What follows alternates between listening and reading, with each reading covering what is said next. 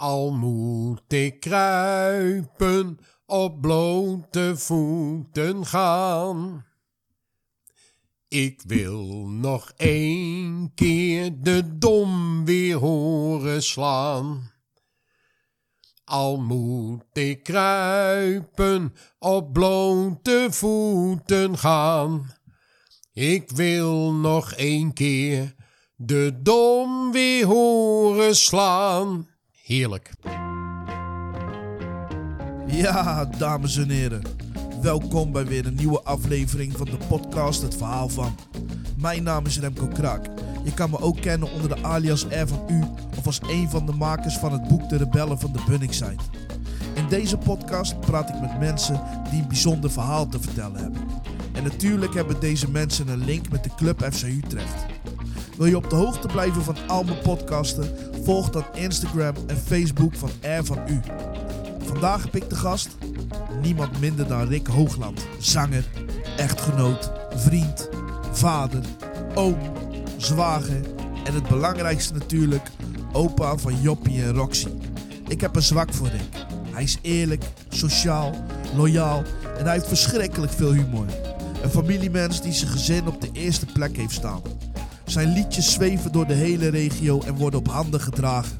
En terecht, want als je al zo lang bezig bent en als ze je naam kennen in alle kroegen, voetbalclubs, campings en feesttenten in de regio, dan ben je een grote. Zoals hij zelf zegt, McKean staat op één, daarna heb je een hele tijd niks. Zonder iemand anders verder tekort te doen. Rick, voor mij ben jij op dit moment de godvader van het Utrechtse lied. Neem de tijd voor zijn verhaal. Rick, hoe is het met je? Goed man, Mooi. moet ik eerlijk zeggen. Ja, Ja, ik, eh, na enkele tegenslagen met mijn gezondheid eh, is het allemaal weer eh, dik in orde. ja. En we gaan weer vol gas, leuk man. al weken. Ja. Ik vind het superleuk dat je er bent. Dankjewel, ik vind het ook leuk eh, dat ik eh, uitgekozen ben als enigste Utrechtse zanger. Ja, ja, ja, zeker, zeker. Nee, maar ik vind die, die plek verdien je. Dus Ja. eh, hartstikke leuk. Dat vind ik ook. Eh, waar ben je geboren? Utrecht. Ehm, ik ben eigenlijk opgegroeid. Ik heb vroeger bij mijn opa gewoond, eerst, jarenlang. En ik ben opgegroeid in, bij de Laan van Nieuw-Guinea in Utrecht. Ja. Eh, een zijstraat daarvan, Paramaribo-straat. En eh, daar heb ik een hele fijne jeugd gehad Ja. moet ik eerlijk zeggen.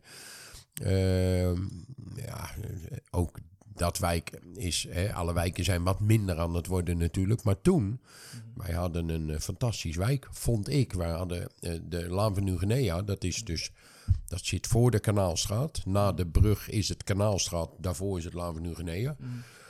En eh, veel winkels. En eh, wij zaten daar natuurlijk, eh, ehm, eh, ja, hoe moet ik het zeggen? Wij, wij zaten in een wijk dat we grensden aan het Majellenpark Mhm. toen, bij de Vleutense Ja.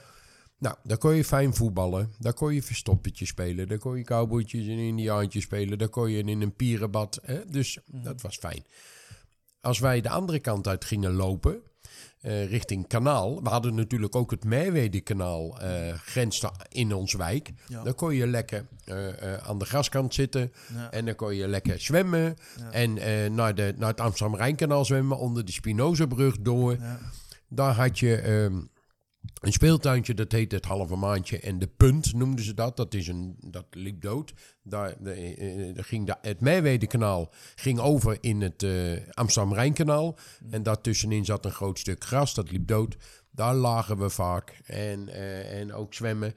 En in dat zat een speeltuin bij. En eh, ook met een pierenbad. Er lagen alle moeders met kinderen. En wij ook. En er kwam een ijswagen twee keer per dag van Marco Polo. En eh, Ja. eh, hup, hup, hup. En wij hadden natuurlijk ook, als wij eh, bij het kanaal zaten en wij liepen via een sluisje naar de overkant, waren we in het Ogenallenpark. Ja. Dus wij hadden twee parken in ons wijk Ja. waar je kon spelen. Ja. Dus dat was wel fijn vroeger, ja. Moet ik eerlijk zeggen. Wat was je voor jochie? Ja, nou, ik was wel een, eh, op school ook eh, een, een boefie. Maar geen gekkigheid. Uithalen. En Dat was vroeger niet zo. Hm. Eh, het was allemaal heel anders als nu. Ja. Totaal anders. En wat maakte het anders? Eh, ja, dat heb eh, zo- zoveel dingen. Eh bij wijze van spreken, eh, wij woonden in, in een straat. En dat was toen overal zo. Wij konden voetballen op straat. Ja. Wij deden s'avonds natuurlijk spelletjes. Verstoppertje, dit, dat, stoepranden. Ja? Nee, ja. Maar dat kon. Wij hadden bijvoorbeeld ehm, in, in de Surinamenstraat hadden we een perk in het midden. En dan tussen die twee stoepen eh, was dan je doel. En aan de andere kant ook. En dan op elkaar schieten. En, eh, of partijtje doen. En eh, met stoepranden ook. Er was ruimte zat om te stoepranden. Want er waren hele lege open stukken. Ja. En dan ging je stoepranden. En dan moest je misschien één keer een half uur stoppen omdat er een auto aankwam. Ja, ja, ja, ja. Dat soort spelletjes op straat kan niet meer. Nee. Want de straten staan vol met auto's. Dus dat soort spelletjes gaat toch niet. En je moet misschien om de 10 seconden stoppen, voor- eh, ophouden voor een auto. Je kan ook niet midden op straat iets doen. Maar toen wel. Dat is één. En twee was, ehm, eh, ja, je ging wel eens ergens lopen waar je niet mocht lopen. Weiland in, bij boeren, eh, of weet ik wat. Nou, dan wordt de politie gebeld. Of je was aan het voetballen en, eh, en de buren hadden er last van. De politie wordt gebeld. En dan kwam de, politiewagens kwamen eraan. Nou, je vloog alle kanten uit.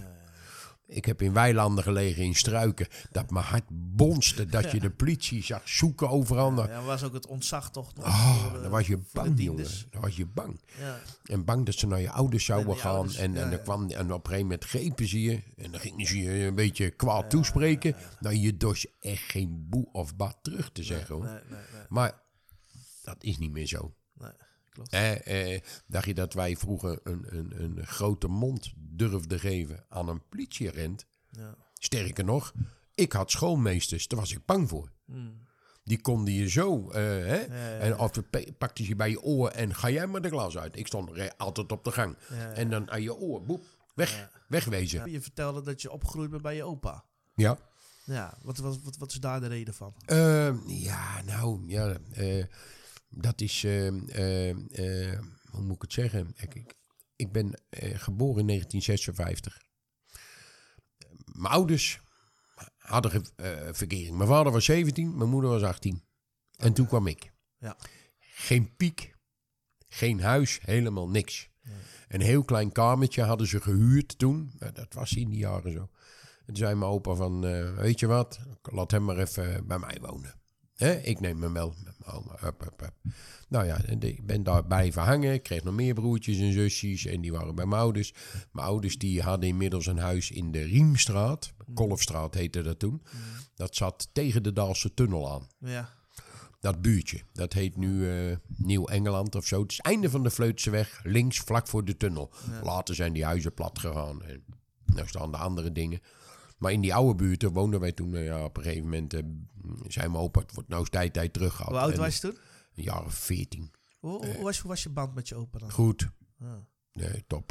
Hardwerkende, oude, vriendelijke man. En eh, klaar. Had je ook een oma? Ja, ja, ja. Oké. En, eh, en die is ge- gestorven toen ik vier was. En toen ben ik eh, een paar jaar lang ehm, ehm, eh, met mijn opa alleen geweest. Er- woonden nog tantes van me in de buurt, dus wij altijd daar en zo ging Ja, dat allemaal. ja. En op een gegeven moment ging ik al wel eh, vakanties en weekenden naar mijn ouders. Want die woonden dan nog ineens zo ver daar vandaan. En ik kreeg een bromfietsje van mijn opa. En op een gegeven moment zit hij nou, nou lang genoeg voor je. Ja. Maar ik was al veel thuis en zo. Was het een gezellige tijd? Ja, man, heerlijk. Dat, dat kun je niet meer vergelijken met nu. Er zat op iedere hoek van de straat in Utrecht zat een café. Ja. Ik heb het wel eens zitten tellen. Hè? Van het stukje vanaf de Vleuterseweg, Lavenu-Guinea, Kanaalstraat naar de Damstraat. Ik weet niet of dat het een beetje bekend klinkt voor je. Zeker. Helemaal naar het einde. En dat ook vanaf eh, het begin van de Vleuterseweg Ja. naar het einde van de Vleuterseweg met zijstraatjes en cafés. Heb ik wel eens zitten tellen. Daar zaten 19 Hollandse cafés. Ja. Vol. In dat hele gebied, hè? Ja. hey, nou, er, zitten, er, er zitten er nou nog één of twee. Ja. Wat is daar nou? Mensen blijven vaker thuis? Of eh, eh, die gaan minder Ja, snel naar de kroegen zijn kroeg? allemaal dicht. Is Ja. er, ja, maar is er meer entertainment eh, buiten de kroegen? Wat je vroeger niet had? Dat, dat, dat ze ergens anders voor kiezen? Weet je, ik ben opgegroeid in een tijd van Hordijk, Ja. Cartouche, Don Quixote. Eh, Oude Lantaren was mijn eerste discotheek waar ik in kwam. Was ik 14. Ja. Want in Hordijk moest je 16 zijn. En daar mocht ik eh, in. Ja. En eh, ja, je had de Dietse. Je had, nou, er waren er wel een stuk of 10, 15 van Ja, die clubjes. Ja, ja, ja, ja. En ja, ik heb een wereldjeugd meegemaakt met mijn kameraden. Wij zaten donders, vrijdag, zaterdag, zondags in Noordijk. Ja. En dat was onze tent. En we hadden een hoekie. Daar verzamelde iedereen zich met meiden erbij. En dan gingen we een beetje dansen, een beetje er doorheen lopen. En dat is niet meer. Utrecht heeft A, geen discotheken meer. Nee. Utrecht heeft A, geen buurtkroegen meer. Nee. Ik ken alle kroegen van Utrecht. Ik heb in alle kroegen al gezongen. Hmm. Maar er zijn er op dit moment in heel Utrecht, in zo'n grote stad, denk ik, nog geen tien Nederlandse cafés meer. Daar komen we zo, komen we zo even op terug. Ik, Ja. wil, nog even, ik wil nog even naar je, naar je moeder. Ja, Die had een bijnaam. Keutel. Ja, Ja, ja dat ze klein was. oké. Ja, en eh, ja, ik bedoel, eh, ook een bekend figuur in Utrecht. Ja.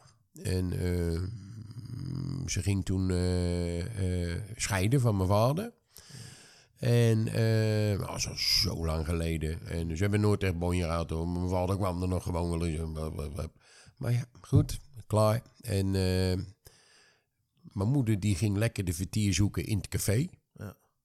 En eh, ja, de- maar niet alleen door dat door een scheiding hoor. Wij, Nee. wij zijn altijd wel opgegroeid in een buurt Ja. waar een buurtkroeg zat. Café De Plak heette dat toen. Mm. En eh, die hele buurt kwam daar binnen. En, en, en nog een paar kroegjes. Ja, mijn vader en moeder gingen graag zaterdagavond de hort op.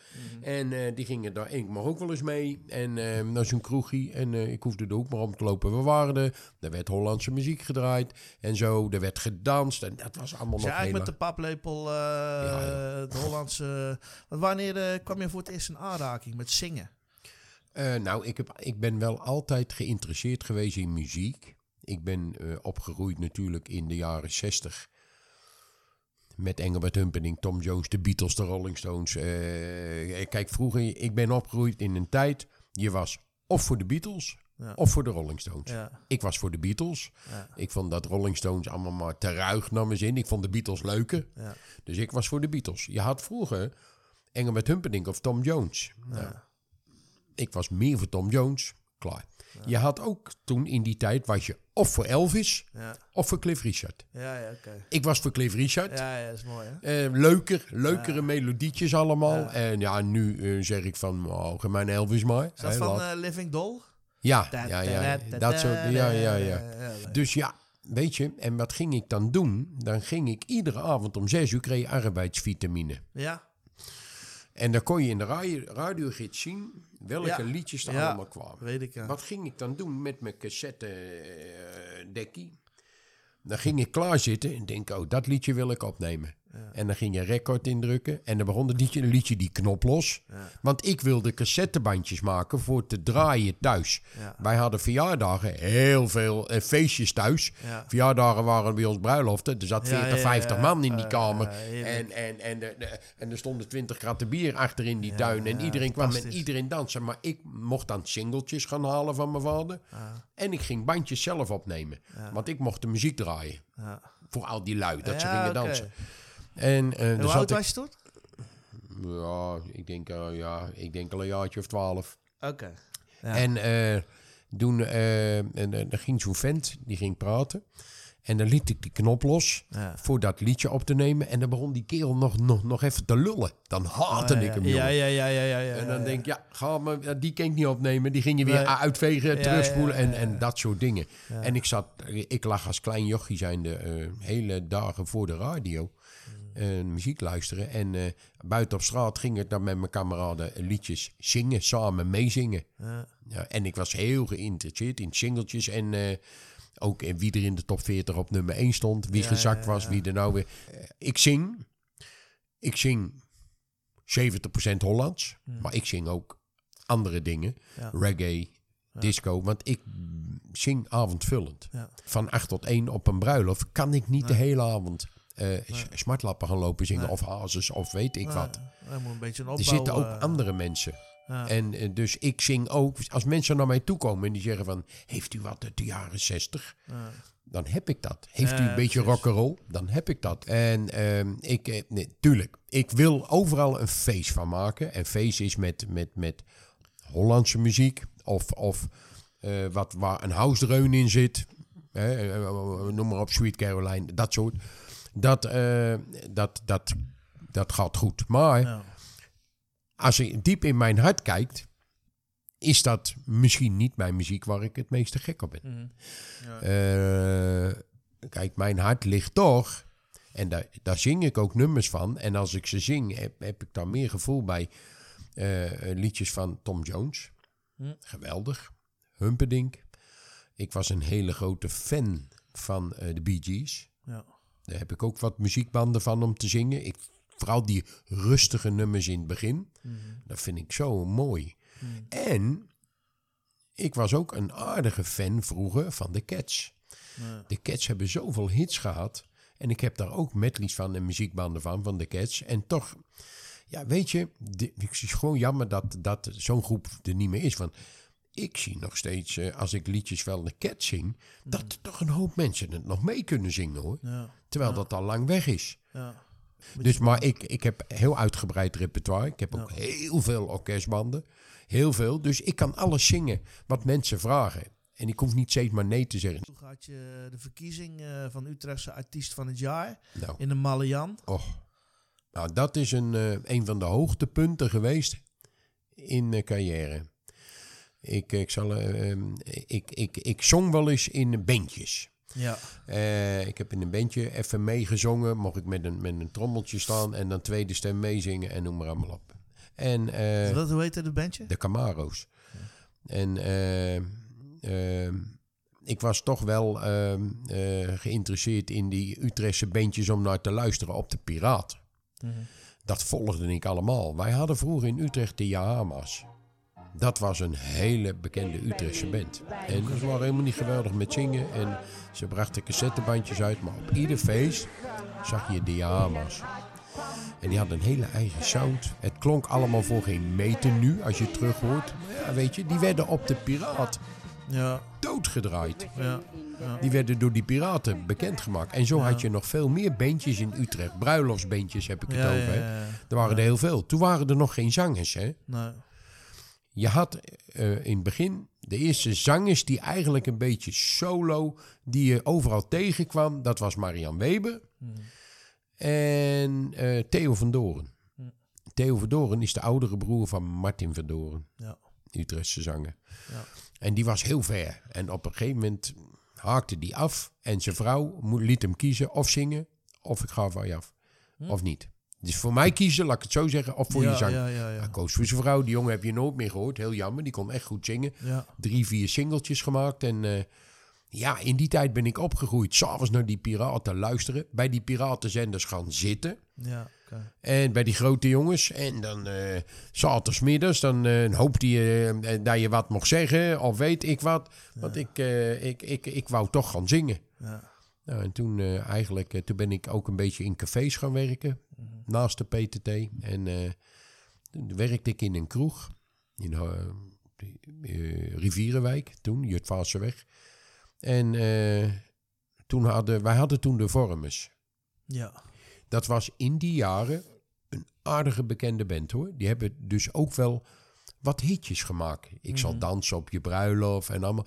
Die Pascal de Vorme, die schreef toch voor anderen ook aardige hitjes hoor. Ja. En, eh, maar die hadden toen een eh, cd uitgebracht, een album. Met allemaal, eh, die werd grijs gedraaid in de kroegen. En toen gingen hun met een project beginnen van kroegen. Overal in kroegen kwamen ze een half uurtje of zo. Gauw met een paar boxjes naar binnen.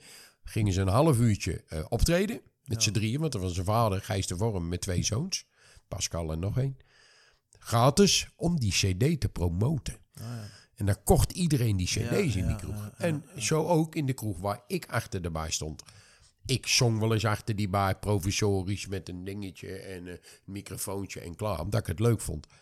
En toen kwamen hun ook daar. Nou, je weet hoe het gaat. Zo'n hele kroeg zit vol. Ja, maar wij hebben ook een barkeeper die kan zingen. Weet je zo. Oh, oh, oh. En eh, ik begreep later waarom ze me lieten zingen. Dus ik ga daar één of twee liedjes zingen. Die hele tent meedoen. Toen kwamen ze naar mij toe. Toen zeiden ze van, heb jij zin om mee te doen aan een Utrechts project van Utrechtse artiesten op een cd? De Groeten uit Utrecht heette dat. Ik denk, ah, dat is leuk. Ja, dan moest je 500 gu- gulden betalen. Dan voor die 500 gulden werd er een liedje voor je gemaakt. En er werden cd's geperst voor je. En eh, er kwam eh, een feestavond eh, voor. Werd er georganiseerd. Die jongen van die kroeg, die zei van... Rick, doe maar mee. Het is voor mij ook reclame. Ik betaal die 500. Ik, nou ja. ik zeg, is goed. Ja. Dus oké, er worden afspraken gemaakt. En eh, er wordt een liedje voor me geschreven. Was Geef me jouw liefde. Was mijn Ja. eerste liedje. Maar die werd ook weer op de Piraat en in de kroegen gek gedraaid. Terwijl het een heel eh, saai, simpel ding was. En eh, eh, nou, daar werden een paar avonden voor gegeven. Er- er stonden er wel twintig op. Op die cd. Want dat is allemaal geld voor ze. Er zaten erbij. Denk, oh my god. Die, die waren helemaal geen zanger. Maar ja, weet je, het zal hun een worst zijn. Als je die 500 maar betaalde, Ja, mocht, je, mocht je op die cd. Ja. Er zaten vrouwen op en, en kerels die ding nou... die zingen helemaal niet. Nee. Maar, eh, maar ja, goed, dat gebeurt. En dan op een gegeven moment komt er een, dus een, eh, een, eh, uitreikingsavond in de Maliaan. Helemaal vol, 600 man. En je mocht twee liedjes zingen, dus je was helemaal zenuwachtig. Ja. En er zaten wel wat, wat, wat jongens bij die, ik- waar ik mee omging. Kees Berns eh, was toen ook zanger. En Frank Rijken van ons. Eh, Frankie en ik zijn degene die eigenlijk het langste zingen in Utrecht. En, eh, en, nog, en er nog steeds zijn.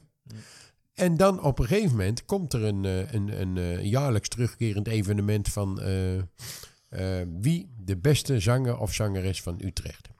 Dat werd georganiseerd door een piratenstation. Eh, en de Eendracht. En in de Malayan. Wat gebeurt er? Ik mocht daar ook aan meedoen natuurlijk. En ehm, eh, ik keek tegen iedereen op die op die cd stond. Ik denk, oh, die kennen goed. En er zaten erbij, die konden ook wel zingen. Die zijn ook later doorgegaan. Maar afgehaakt weer na een paar jaar. Geen werk meer. En het lukte allemaal niet. Daarom ben ik trots. Dat is geloof ik in 91 gebeurd, zoiets. hey, dat ik nog steeds zing, hè. Ja, ja. ja. Vergeleken. En de- al die anderen, er deden 16 naar mee. Die hadden allemaal eh, nooit meer wat van gehoord. Ja. En ehm, dus, eh, maar je mocht kaarten verkopen. Iedere zanger die meedeed, mocht natuurlijk zoveel mogelijk mensen proberen mee te nemen voor fans in de zaal. Tuurlijk. En, ehm, maar ik werk in een kroeg. Ja. Dus dat kaartverkoop ging heel makkelijk. Ik verkocht 200 kaarten in die kroegen. En praat, al die kroegen gingen kaarten verkopen. Ik verkocht 200 kaarten. Ze gingen achter mijn rug door, eh, ik geloof, twee touringcars eh, eh, huren. Ze hadden er een gevonden. Die jongen van wie die kroeg was, die ze zwager, was er een van Van de Ven. Van een, dat zijn bloemenhandelaren. 200 bossen tulpen besteld. Ze hadden spandoeken gemaakt. Ja, ja. En allemaal met die bussen. Maar die, al die andere artiesten, die had vijf kaarten verkocht, die tien. Er was er één bij die had twintig of dertig kaarten verkocht. Ja. Dus ik kom daar aan. De jury eh, was eh, Wout van Dolenweert. Dat was vroeger de manager van Marian Webe. En die, die had toen een eigen artiestenbureau. Ja. Dat bestaat nog volgens mij. En eh, met die al lang overleden, maar dat was toen een hele hoge jongen in de muziek. En eh, Dam, Dam Records heette het Hilversum, weet ik. En Wout kon ik goed. En later, later. En Marian Weber zat in de jury. Nou, die kon iedereen. En eh, Rob Brouwer, dat was een eh, organisator van eh artiestenreizen en noem maar op, het Maarsen. Die kon ik niet.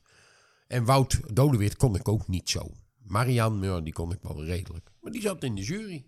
Nou, ik mot op, zenuwachtig. Je mocht iedere twee liedjes zingen. En kwam in één, in, in één keer... ja, maar nou, van de 600 man waren er 200 voor mij. En allemaal van dat kroegenpubliek. Ja. Kwamen ze naar het podium, gingen ze met die bossen tulpen gooien. 200 bossen, zo allemaal op me af. En, de president- en die man van die eh, piraat, die denkt, wat is Wat gebeurt hier? allemaal... Ja, prachtig. Nou, dan krijg je de, de uitslag. Ja. En eh, ja, we gaan eerst naar dit en dat en zus en zo. En eh, De, de vierde prijs was voor die. Ik denk, oh, ik denk, nou, als ik derde word, vind ik het ook leuk. Derde voor die, twee, tweede voor die. En dan krijgen we nog de aanmoedigingsprijs voor de jonge talent, weet ik wat. Dat was een ja, dat jochie eh hebben later met Danny Demming samen nog een duootje gehad. Danny en. Maar de jochie is ook al, al, al lang overleden. Gerardje. En eh, die kon heel goed zingen, dat jochie. Die werd dan up. En, Was die eh, dat liedje met voetbalschoenen? Ja, Voetbalschoenen. Ja, ja, ja. voetbalschoenen. en, maar die kon heel goed zingen. Ja. En, eh, eh, Een mooi nummer is dat. en dan krijg je... De, en eerste prijs. En ik Ja. zat, ik denk, of ik heb helemaal niks. Dat is toch... Ik, oh, eh, en ik vloog naar het podium op. Ik ging op mijn knieën zitten, zo weet je. Je kent dat allemaal wel. Ja, ja, ja, nou, wat er toen allemaal door me heen ging... Ja. Ik denk, wat is dit allemaal, hé? Nou ja, maar... eh, Niet dat Maar wat ging er door je heen?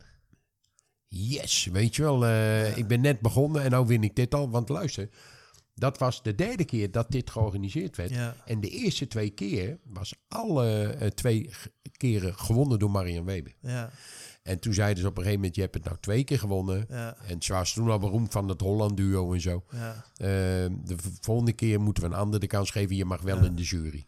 En toen Ik ga, je, ik ik, ik ga je even onderbreken. Ja. Want je ziet een eh, boxje eh, rechts voor je staan. Ik Ja, weet niet of je die al opgemerkt had. ja. Maar die staat er niet voor niks. Hè? Die staat er niet voor niks. Oké. Die ga ik even aanzetten. Want je had het over Rob Brouwer. Ja, Rob Brouwer die wil wat tegen je zeggen. oké. Hoi, Ricky Hoogland. Goedemiddag, goedenavond. Ik weet niet hoe laat dit opgenomen wordt, maar je zit weer in de podcast bij Remco Kraak. Hartstikke populair. We kennen elkaar denk ik toch wel een jaartje of dertig, misschien wel langer. Jij bent natuurlijk de Utrechtse volkszanger bij uitstek. En volgens mij begon het in de ouderwetse Mallian in Utrecht met de verkiezing van de Utrechtse artiesten van het jaar. En vaak won in die jaren Marianne Weber. Dat was normaal, want het was natuurlijk een geweldige zangeres. En nog zingt ze, gaat bijna stoppen. Jij vaak tweede, derde en je hebt hem ook een keer gewonnen. Dat is natuurlijk wel mooi. En ik mocht die avonden heel vaak presenteren. Dat was onze eerste kennismaking. En wij gingen natuurlijk eh, daarna een bakje koffie drinken. We zagen elkaar op de Utrechtse feestjes, waar dan ook. Altijd gezellig. Tot het moment dat we eigenlijk een keertje richting Witte Winterberg gingen. Niet Winterbergen, maar Winterberg in Duitsland. Een midweekje voor de ouderen. Ook jij weer mee met al je bekende liedjes. En dat was ook weer echt dikke pret. Dan het grote moment. Elf jaar lang na Turkije. Met 200, een keertje 300, 150 Utrechters. Uit Houten, Nieuwegein, Maassen, maakt niet uit. Met de 6, 7 Utrechtse artiesten. Ronnie van Bemmel, Danny Temming, Michael Ome, jij, Anna Temming, het hele zootje ermee, Martin Verdoren, niet te vergeten.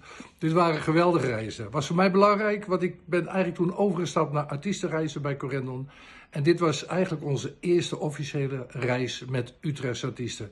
Daarna is het wat groter geworden.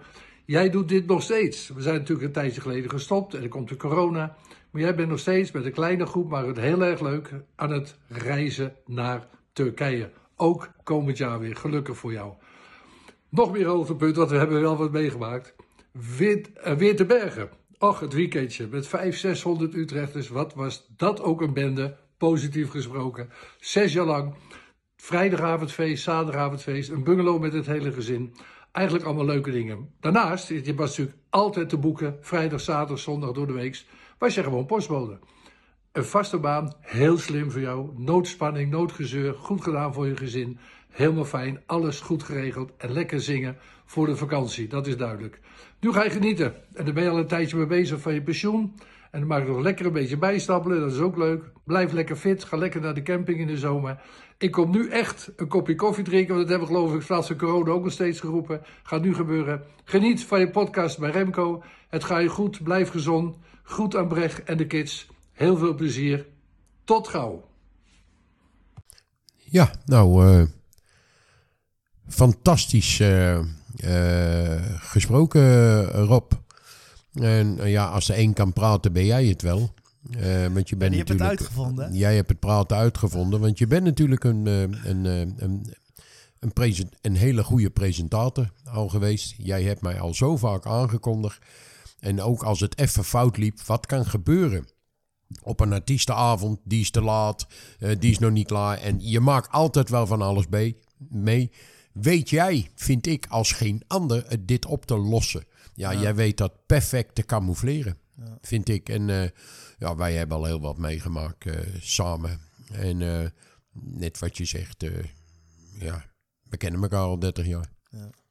Ja. Ja, ik vind het ook mooi. Ik heb Rob Brouwer ook altijd meegemaakt als eh, in het stadion lopen. Ja, laat je, ik- laat ja, je, laat je trappen. Ik heb nooit iemand meer met zo'n stem en Nee. zoveel charisma op het veld eh zien Ik lopen. denk dat erop. Echt eh, classic. ik weet wel dat hij ook wel eens toen de tijd vaak gevraagd is om stadionspeaker te worden. Ja, ja. Maar dat heeft hij nooit geen zin in gehad. Maar mm, het zou de, hij heeft het wel eens gedaan, invallen. Mm. Maar het is de perfecte man voor dat soort dingen, vind ik. We gaan zo meteen gaan we het uitgebreid over je liedjes hebben. Eh, waar, ben je, waar, waar ben je trots op als je nu, nu kijkt naar je... Wacht, wacht. Heb je het ooit buiten Utrecht willen zoeken? Nou, Eh, laat ik het zo zeggen, dat ik wel door het hele land optreed hoor. Ja, Ik, zing, ik, ik, kijk, ik moet liegen. Dat mijn meeste werk natuurlijk in en om Utrecht, hè, eh, Maasje, Nieuwrijn, eh, eh, Ja. eh, ja, Houten vooral. Houten ben ik heel populair. ja. En eh, dat ik het meeste natuurlijk in de provincie Utrecht zing. Maar, Maar had je een kroeghit willen hebben die misschien door het hele land eh, gedraaid zou worden? Of heb je ambitie echt in Utrecht liggen?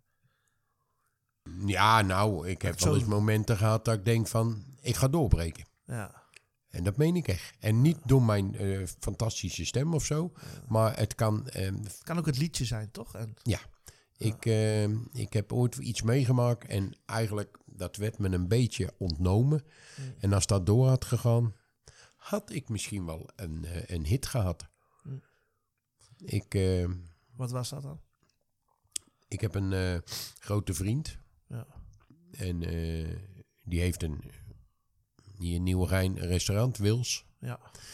En die ken ik mijn leven lang al. En toen de tijd had hij dat nog niet hoor. Hij zegt, ik heb voor jou een liedje. Ik zeg, oké. Hij zegt, eh, niemand kent het. En wij gaan eh, dat eh, opnemen. Niemand kent het. En ik denk dat het voor jou met wat aanpassingen naar de tekst... want er kwam een beetje wat veel Amsterdam in voor... kan dat wel eens een hitje voor je worden? Ik zeg, oké, ik ben benieuwd. Hij zegt, ik stuur je een, een, een tapie... en dan moet je dat maar eens even aan luisteren, een cd'tje. Ik ga dat luisteren. Dat was de woonboot. Was toen nog van een duootje, heel onbekend. Helemaal Ja. geen hit geworden, helemaal niks. Ik zeg, klinkt leuk. Als je dan een tekst een beetje aanpassen. Misschien wat Utrecht Ja. erin of niet. eh, zomaar. Ik zeg, nou is goed joh. Hij zegt, weet je, ik betaal het. We gaan het opnemen bij Emiel Hartkamp. Oké. Dat eh, wij daar naartoe. Ik en hij en de Hartman. Ja, ik heb hier een zanger uit Utrecht, Rick Hoogland. Bla, bla, bla. En eh, we hebben een liedje voor hem. En dan ga jij dat even een mooie band van maken. En wat tekstaanpassingen, alsjeblieft. Die gozer het luisteren. Leuk, leuk, leuk. En niemand kon het. Hij zegt Amsterdam misschien wel, maar oké. En eh, op een gegeven moment moet ik weer terugkomen, want hij wilde mijn, mijn toonhoogte hebben, eh, bereik en noem maar allemaal op. Ik er naartoe. Kom daar binnen, alleen. Hij zegt, eh, ja, hij zegt, ik heb wel een vervelende mededeling voor je. Ik zeg, wat? Hij zegt, ehm, dat liedje gaat het niet worden. Ik denk, wat gaan we nu krijgen, hé? Ik zeg, pardon. Ik zeg, William Kai, en die kon hem dan, die kwam daar wel eens vaak. Eh, zijn broer Hans Kai, die eh, mocht ook daar singeltjes toen opnemen. Ik zeg, ik, ik, mag ik even bellen? Ja, ik loop de gang op. Ik zeg, Wil, hij wil die woonboot niet aan mij geven. Je meent het. Hij had besloten, die Emiel Hartkamp, om de woonboot aan Marian Weber te geven. Eh, Marian Weber stond op punt om een album uit te brengen met allemaal country nummers erop een beetje, Nederlands. Hij zegt, en het laatste eh, liedje van het album moet de woonboot worden, maar dan andere tekst, we hebben een droomhuis. En dat klopt ook, dat is daar ook op gekomen op dat album. En we hebben een droomhuis. Hup, hup, hup. Hele andere tekst. Nou kan ik me ook wel voorstellen dat zo'n liedje door Marian Weber, die was toen aardig bekend in Nederland, dat dat eh, meer zo dan de dijkzitters dat ze hem door Rick Hoogland laten zingen. Dat klopt, maar ik was er wel even Ja. ziek van. Ja. Toen zegt hij tegen mij, maar. Ik zeg, oké, ik heb een ander liedje voor je. Ik zeg, oké, wat dan? Joh, hij zegt, ik heb nou een dijk van een liedje voor je. Hij zegt, over Utrecht. Nou, dat sprak me al gelijk aan. Hij zegt, eh, het is een heel oud, onbekend carnavalsliedje uit Nijmegen. Ik zeg, oké. Hij zegt, ehm, ga je, eh, dat is wat voor jou. Dus hij had daar al een band van gemaakt. En hij ging dat draaien, keihard in die studio. En hij was aan het meezingen. Dat was aan moeten kruipen. En ik werd steeds enthousiaster. Ja, ik denk, ik. oh, dit gaat echt over Utrecht. Ik was die hele boomboot vergeten en bla bla bla. Later had ik er toch wel een beetje spijt van. Want toen kwam ik erachter dat het een, het clublied van NEC is. Oké. Ja. En eh, ik ben zelfs in de Voetbal International, wat had je van die columns van supporters. Waren er een paar bij, ja. Er is een of andere gek in Ja. Utrecht. Die zingt ons clublied over de dom. En ik heb ook in zaaltjes waar ik dat eh, al moeten kruipen ging zingen. Waren er, zaten de Nijmegenaren. Hé, hey, dat is ons lied. Want het, het, het, het is een heel oud liedje. Ja. Het wordt bij iedere thuiswedstrijd van? NEC gedraaid een paar keer. Ja, voor de wedstrijd. Nee joh, ik ben... Nog steeds. Oké, want ik kom wel eens bij... eh, hè, dus ik was in een uitvak eh, bij NEC. Maar dan heet het Almot ik krupen. Ik wil Oh, nog één opletten. keer de Sint-Stevens heuren slaan. Oh, dat meen je? Zelfde melodie. Oké, Je moet het voorstellen ja. dat er morgen een gozer komt uit Rotterdam of, of, of, of, of Limburg. Ja, nee, ik snap en die gaat als ik eh, boven op de dom sta, ja, opnieuw uitbrengen met Nee. andere tekst wat niet op Utrecht slaat. eh, maar heeft dat eh, voor jou het liedje minder waarde Nee, nee, nee, nee, nee. Nee, ik vind het... kijk, met alle respect. Je hebt in Utrecht Herman Bekien gehad. Dat was de Utrechtse zanger Ja. bij uitstek. Cabaretier. Ja, maar ook eh, qua liedjes. Ja. Er zal nooit en te nimmer een Utrechter bereiken bij het, het, het, het publiek en bij de Utrechters eh, wat hij bereikt heeft. Want je krijgt eh, Herman Bekien en dan krijg je een hele tijd niks hoor. Kijk, eh, als ik boven op de dom sta met die medley Utrecht mijn stadje, eh, Euro, Euro, Utrecht, noem maar allemaal op. Hey, dat zijn. Iconen van liedjes. Die worden nog steeds meegezongen Waar op die caravan? Ja, en dan krijg je een hele tijd niks. Eh, kijk, ik zing ook al die liedjes van hem hoor. Ik heb ook bij ons in Utrecht heb Ja. ik de orkestband Ja. van eh, Dat ken in Utrecht.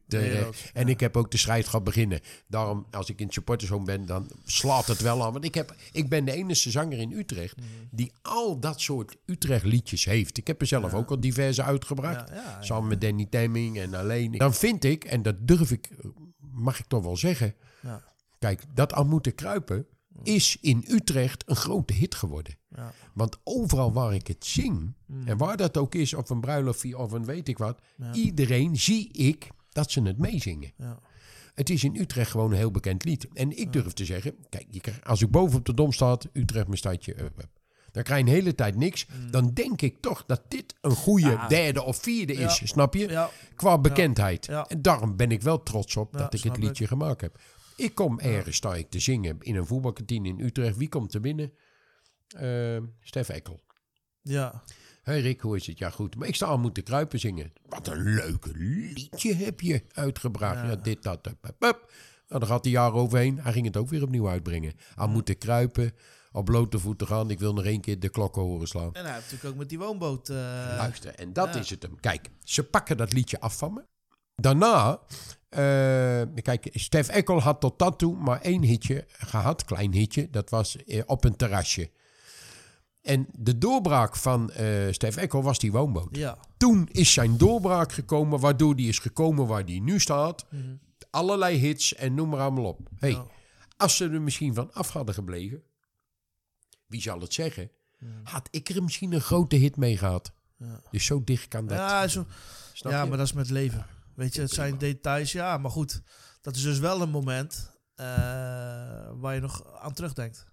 Van, hey, wat, Zeker weten. Toen was ik er ziek van. Ja. Nou, niet meer joh. Nee, Het, het is zo. Nee. nee, het leven zo, loopt zoals je Ja. loopt. En eh, uiteindelijk ga je ook je, je zegeningen tellen en eh, kijk je naar wat je wel hebt. Ja. En je hebt zoveel veel, veel op, opgetreden. Jeffrey Tanis. Ja.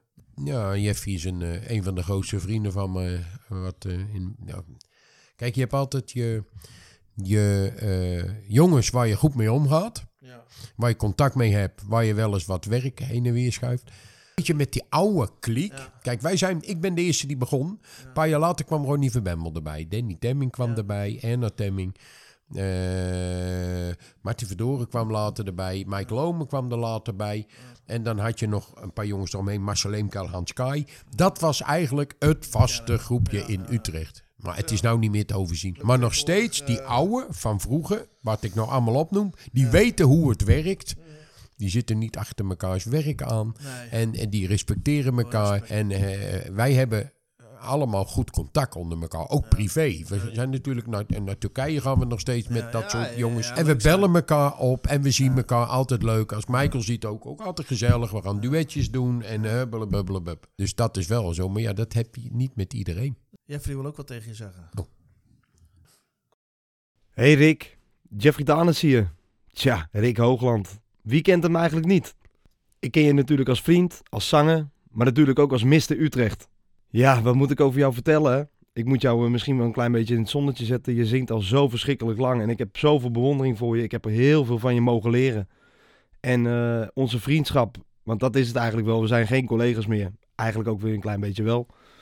Maar meer vrienden. En eh, ja, we bellen elkaar elke dag als wij een optreden hebben, eh, zoals jij, zoals ik, dan, eh, dan nemen we even het weekend door waar iedereen is en waar iedereen moet optreden. En dan, ja, en dan op maandag dan hebben we het hele weekend weer gehad en dan bellen we even hoe het weekend is geweest. En ja, dat doen we eigenlijk al een kleine 21 jaar alweer. En ik ben nog steeds eh, ontzettend trots op dat ik eh, eh, jou als vriend mag noemen, want ik heb ontzettend veel bewondering voor je. En ik hoop dat je nog 20 jaar, minimaal 30 nog mag blijven zingen. Je bent een geweldige vader voor Whitney en Melissa. En een geweldige echtgenoot, een fantastische opa. En ik hoop dat ik nog heel lang je vriend mag wezen. Dat we nog heel veel muziek mogen maken samen. En ik hou van je. Ik spreek je later, vriend. Doei doei. Nou, dankjewel Jeff. Eh, ja, inderdaad, we zijn vrienden en eh, eh, we zien elkaar eh, niet meer zo vaak, want je woont erg ver weg tegenwoordig. Eh, van, van, van Maasje naar Zwifterband. Nou, dat is nog voorbij Urk. Dus je woont erg ver weg, daar rij je niet zomaar even naartoe, maar eh, telefonisch... je doet veel voor me op de computer. En ik ben niet zo handig als jij. En eh, we, we maken medley samen en noem maar op. We respecteren elkaar. En eh, ik zeg altijd tegen iedereen dat eh, zonder een ander eh, te niet te doen. eh, zangtechnisch vind ik jou eh, de allerbeste zanger die er in Utrecht rondloopt. Zangtechnisch. De rest valt ook allemaal wel mee met je. Nee, geintje. Nee, je kan ontzettend goed zingen. En je brengt eh, veel singles uit. Je doet er ook alles aan. En eh, je bent gedreven. En eh, als je staat te zingen, sommige liedjes krijg ik gewoon kippenvel van. Want je kan zo geweldig goed zingen. En ik hoop voor jou ook dat het ooit eens een keer uitbetaald wordt.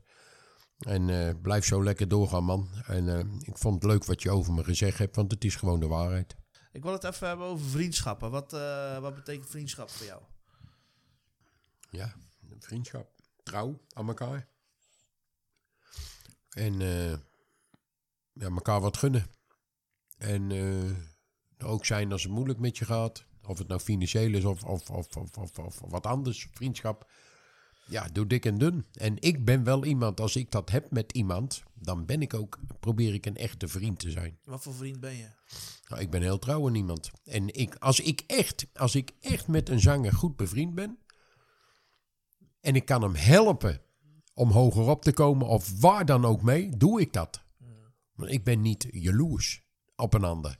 En los van de vriendschappen die je hebt in de muziekbusiness, Ja. eh, ja, heb je ook vrienden eh, buiten de muziekbusiness. Eh, Bob, die is belangrijk voor je. ja, die zal mij ook nooit laten vallen. Nee. En dagelijks contact, een beetje bijlullen over FC Utrecht. Eh, Met wie zijn ze bezig? Wie, vooral in die transferperiodes. En eh, Komt hij aan? Rick, vriend, leuk dat jij in deze podcast zit. Ik weet, je houdt helemaal niet van aandacht. Dus ja, het zal wel moeilijk worden voor je. Je bent de jongen van de stad en ik denk ook een van de bekendste volkszangers uit Utrecht. Zingen is je passie, dat weet iedereen. We spreken elkaar bijna iedere dag en dan gaat het vooral over de F- onze FC. En dan weet je het wel. Pieken en veel vaker dalen. Gisteravond hebben we elkaar weer gesproken, naar Spakenburg. En dat was weer schelden en vloeken. Maar dan zijn we het wel weer kwijt. Je gezondheid laat je de laatste tijd een beetje in de steek. En ik weet, het gaat nu een stuk beter. Zodat je je passie, het zingen, weer volledig kan uitoefenen. Ik hoop dat je hiervan een beetje geniet. En ik hoop dat er leuke reacties uitkomen. Rick, vriend, ik zie je snel en ik zal je vandaag nog wel spreken. Je bent een gluiperd. Ik heb je net nog aan de telefoon. En want je belde me op, zoals iedere morgen, om even na te praten. En eh, ik zeg sorry dat ik je niet... Want ik heb mijn mijn geluid uitstaan, want ik zit bij Remco Kraak eh, bij een podcast. Oh, dat heb je me helemaal niet verteld, joh. Ik zeg, nou, volgens mij wel. En nou hoor ik dit. Ja, mooi. Dus aan alle kanten wordt Ricky weer in de maling genomen. ja. Maar met de beste bedoeling. Ik wil nog even door, ja, met Bobby. Nou, daar heb je hè, uit het home eh, al een jarenlange mooie vriendschap eh, mee. Zeker, maar ik heb met al die mensen van FC Utrecht goed op Ja. zitten. Teun de Hartog kan ik heel goed mee overschieten. Met eh, witte, eh, die witte Ja, Robert. Robert Junier. Ja. Luister, ook een soort vriend van me. En eh, we zitten ieder jaar met de kerst zitten we in hetzelfde vakantiepark. En, en noem maar allemaal op. Ja. Nou ja, ook een, een wereldjongen. Ook, ja, het zijn allemaal jongens van de club. En Zeker. ik ben vroeger, eh, in, vanaf het begin ging ik ook altijd uit en thuis mee. En met de harde kern was dat, hè. Dat was toen nog allemaal eh, Peter Visser en Mm. Ja. die bunker, Sturkenboom en, en die marinier noemden we dat toen allemaal. En allemaal dat, en, en zeilmaken, Ja. dikke Joost de Graaf. En, oh man, ik, ik heb zoveel dingen meegemaakt vroeger in die uitwedstrijden. Ja, ja, Met ja. paarden en eh, op de tribunes. En, Ja, ja, ja, oh. ja. Wij waren een keer uit bij Excelsior. Uit. En eh, Excelsior FC Utrecht. En eh, op een gegeven moment, moesten met de tram, allemaal in trams, helemaal vol naar het stadion. Maar ze gaan in die tram weer lopen, dat die tram zo ging en schreeuwen en bleren en het dak over. Op een gegeven moment kwamen de, besloten ze om die tram eh, naar de eh, politiebegeleiding, ging niet naar het stadion, die ging naar dat tramstation, zo'n grote hal. En politie voor ons, achter ons, naast ons, links ons, rechts ons, sirenes aan. Gingen we zo naar die hal. Maar op, toen ze dat besloten, eh, hadden een paar jongens die deur open gekregen. En die vlogen allemaal die tram uit, voor en achterin. Maar ik stond natuurlijk weer in het midden, kon geen kant uit. Dus wat er nog overbleef allemaal naar dat eh, tren, treinstation. We konden daar binnenrijden. Er stonden misschien wel 30 wouten. Die allemaal een hekel aan ons hadden. En die tram gaat stil. En ehm deur gaat open. En er stonden een paar wouten voor de ingang. En één voor één moesten we eruit om gefouilleerd te worden. Ja. En ze waren niet eh, zachtzinnig. En ook eh, schreeuwen. Oké. En ik denk, oh, moeder, moeder, moeder. En, en, en ja, je staat en je, je komt steeds dichter bij die uitgang. En voor me stond Karel Lichterink. Ik zal het nooit vergeten. Was ook een jonge jongen. Ja, zei die. Jij, naar buiten. En die stapt die tram uit en die wordt gefouilleerd. Maar die vent had schijnbaar geld in zijn kontzak. Kwam met zijn hand bij die kontzak. Toen sloeg hij die hand een beetje weg. Zei hij, nou, geld. Hé, hey, die vent werd kwaad, jongen. Een oudere, woud, grote kerel. Wat, zei die. En die, en die geeft hem een knietje in, in, in, in, in, bij zijn kruisen, bij zijn buik. Ah, hij zat voorover en hij begon op, op zijn rug te slaan. Hij zei, met je grote rotbek, dit en dat. Hij begon half te janken. En die kerel, eh, eh, eh, en eh, wegwezen, hup. Hij zei, de volgende! En dat was ik. ik denk, hé, hey, luister. Als, als zit hij aan mijn gulp, geef ik nog geen zoeken. nee, nee, nee, mooi. Ja. mooi, mooi, En toen werden we allemaal in de cel eh, gedouwd. Maar we werden wel op de hoogte gehouden van de uitslagen. Utrecht won die wedstrijd met 7-1 of 7-2 uit Chelsea uit. Hey. Ja, toen was dat eh, eh, eh, bekend, dat de einduitslag. Nou, en toen werden we allemaal losgelaten en toen moesten we zien dat we thuis kwamen. Dat zal ik nooit vergeten. Ik gaf net al aan, hè, zingen op het veld, zingen in het home. En wat doet dat met je als jij zingt bij eh FC Utrecht? Heeft dat jou iets Ja, het, speciaals? home, eh, het home vind ik het allerleukste. Ook al verliezen ze met 6-0, dan gaan er misschien iets meer mensen naar huis als normaal, als je gewonnen hebt. Maar toch blijft er altijd wel een hoop eh, jongens hangen. Die denken, oké, we hebben verloren, we zijn er ziek van. Maar ja, nou gaan we zuipen en dan gaan we er een feestje van maken. En of dat nou met mij is, of met... eh, ja, ik denk wel dat ik heel succesvol ben in het home. En, maar de, de meest succesvolle is en blijft denk ik toch Marco Kraats. Want die heeft echt die liedjes. Hè, die gaat springen, die gaat dansen, die gaat zeggen verkleden, die gaat confetti schieten. en. Daar ben ik geen type voor. Maar die heeft wel veel van die, eh, van die soort eh, liedjes waar ze helemaal gek van zijn. En daarna ja, dan heb ik wel aardig succes, omdat ik veel Utrecht liedjes heb. Ik heb nou weer uh, verleden jaar een liedje gemaakt over de stad Utrecht. Gauwgewaard komt er even in, hoor. Ik hou van jou Utrecht. Ja. En ik heb... eh, ik ik ben een mooi nummer. Leuk, gezellig, met Pascal de Vormen wel, samen. eh, ja. We gaan nu, eh, ik heb eergisteren ben ik in de studio geweest eh, voor een nieuwe single. Ja. Daar zijn ze nu mee bezig. Gaat niet over Utrecht. Nee. Maar er komt wel, ehm, er is een andere studio is bezig met een nieuwe single over de stad Utrecht. Ja. Een gezellig nummer. En dat gaan we met z'n drieën uitbrengen. Met Pascal de Vormen, ik en Michael Ome. Oké. Dus dat is wel Dus leuk. die komt is- eraan. Wanneer ja, kunnen we die eraan. verwachten? Dat weet ik niet. Eh, Oké. Er is een studio, Sonic Solution heet dat. Die zijn met die band bezig. En Ja. ik zit op bericht te wachten dat die klaar is. En dan kunnen we daar, die zit ook in eh, Berg op Zoom, om hem in te zingen. Oké. Ben benieuwd. Maar ik vind... Ik ben eh, benieuwd. nou, weet je wat? Op een gegeven moment heb ik dus besloten... Ja. Ik vond namelijk, en nog steeds, eh, dat na Herman Bekien nooit eens een keer... Er werden weinig liedjes over Utrecht gemaakt, vond ik toen. Ja. Amsterdam, eh, duizend liedjes, noem maar. Er werd nooit. En toen heb ik op een gegeven moment gedacht, dan ga ik het maar doen. Ik wil gewoon een, wat eh, liedjes, ook ja. met Temming samen toen. Ja. Ik wil gewoon wat liedjes over Utrecht. Ik vond het veel te weinig. Niemand te doet wat. Eh Temming een keertje. Nee. En. Marten Verdoren, één liedje. Dat is mijn Utrecht. En voor de rest Henk nooit in... Dissel, die kwam eh, twee jaar geleden. Ja, eh, met zo'n ballet. ja. Maar voor de rest, al die jongens, niemand brandt zijn hand Mike aan. Vermeulen, die vindt dat eh, echt een topnummer. eh. Maar ja, nee, dat is hem allemaal... De... Ja, ik vond het ook niet echt. Eh, kijk, het is natuurlijk wel zo, ja. en dat blijf ik zeggen... ja. Als jij een, een liedje uitbrengt over Utrecht of FC Utrecht... kan nooit een hit worden. Nee. Dat kan je vergeten, want dat is eh, landelijk eh, niet interessant. Dan gaan ze in de Haag, Rotterdam, Amsterdam echt niet meezingen en ook niet draaien. Nee, nee. Dus dat zijn van die streekgebonden liedjes. Ja. En eh, dat zijn in Utrecht wel hitjes. En dan ben ik al tevreden. Ja, ja, maar landelijk weet je, ja. hé, hey, dat wordt niks. Ja, dat Nou, dat vind ik niet erg. En je had het net over het home. Je hebt Teun ook al hè, een paar keer genoemd. Ja, Ah, Teun die wil ook wat tegen jou ja zeggen. dat, eh, dat, toen je dat zei, dacht ik het al. Remco, vandaag heb jij in het verhaal van onze volkszanger Rick Hoogland. Rick Hoogland is de, ja, is de huiszanger van het eh, supportershome van Utrecht. En ik kan niet anders zeggen eh, dat ik het alleen maar heel leuk vind dat hij eh, in het verhaal van zit. Rick is toch een van de oude Utrechtse zangers die er nog is.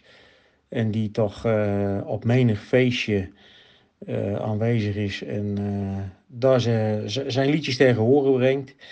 Eh, in het home ook is het altijd een, superleuk feest als die geweest is. Er wordt wel eens gekscherend gezegd van Rick, hou nou maar op. Maar eh, Rick, eh, ik moet je echt zeggen, ik waardeer het zeer dat je er altijd bent.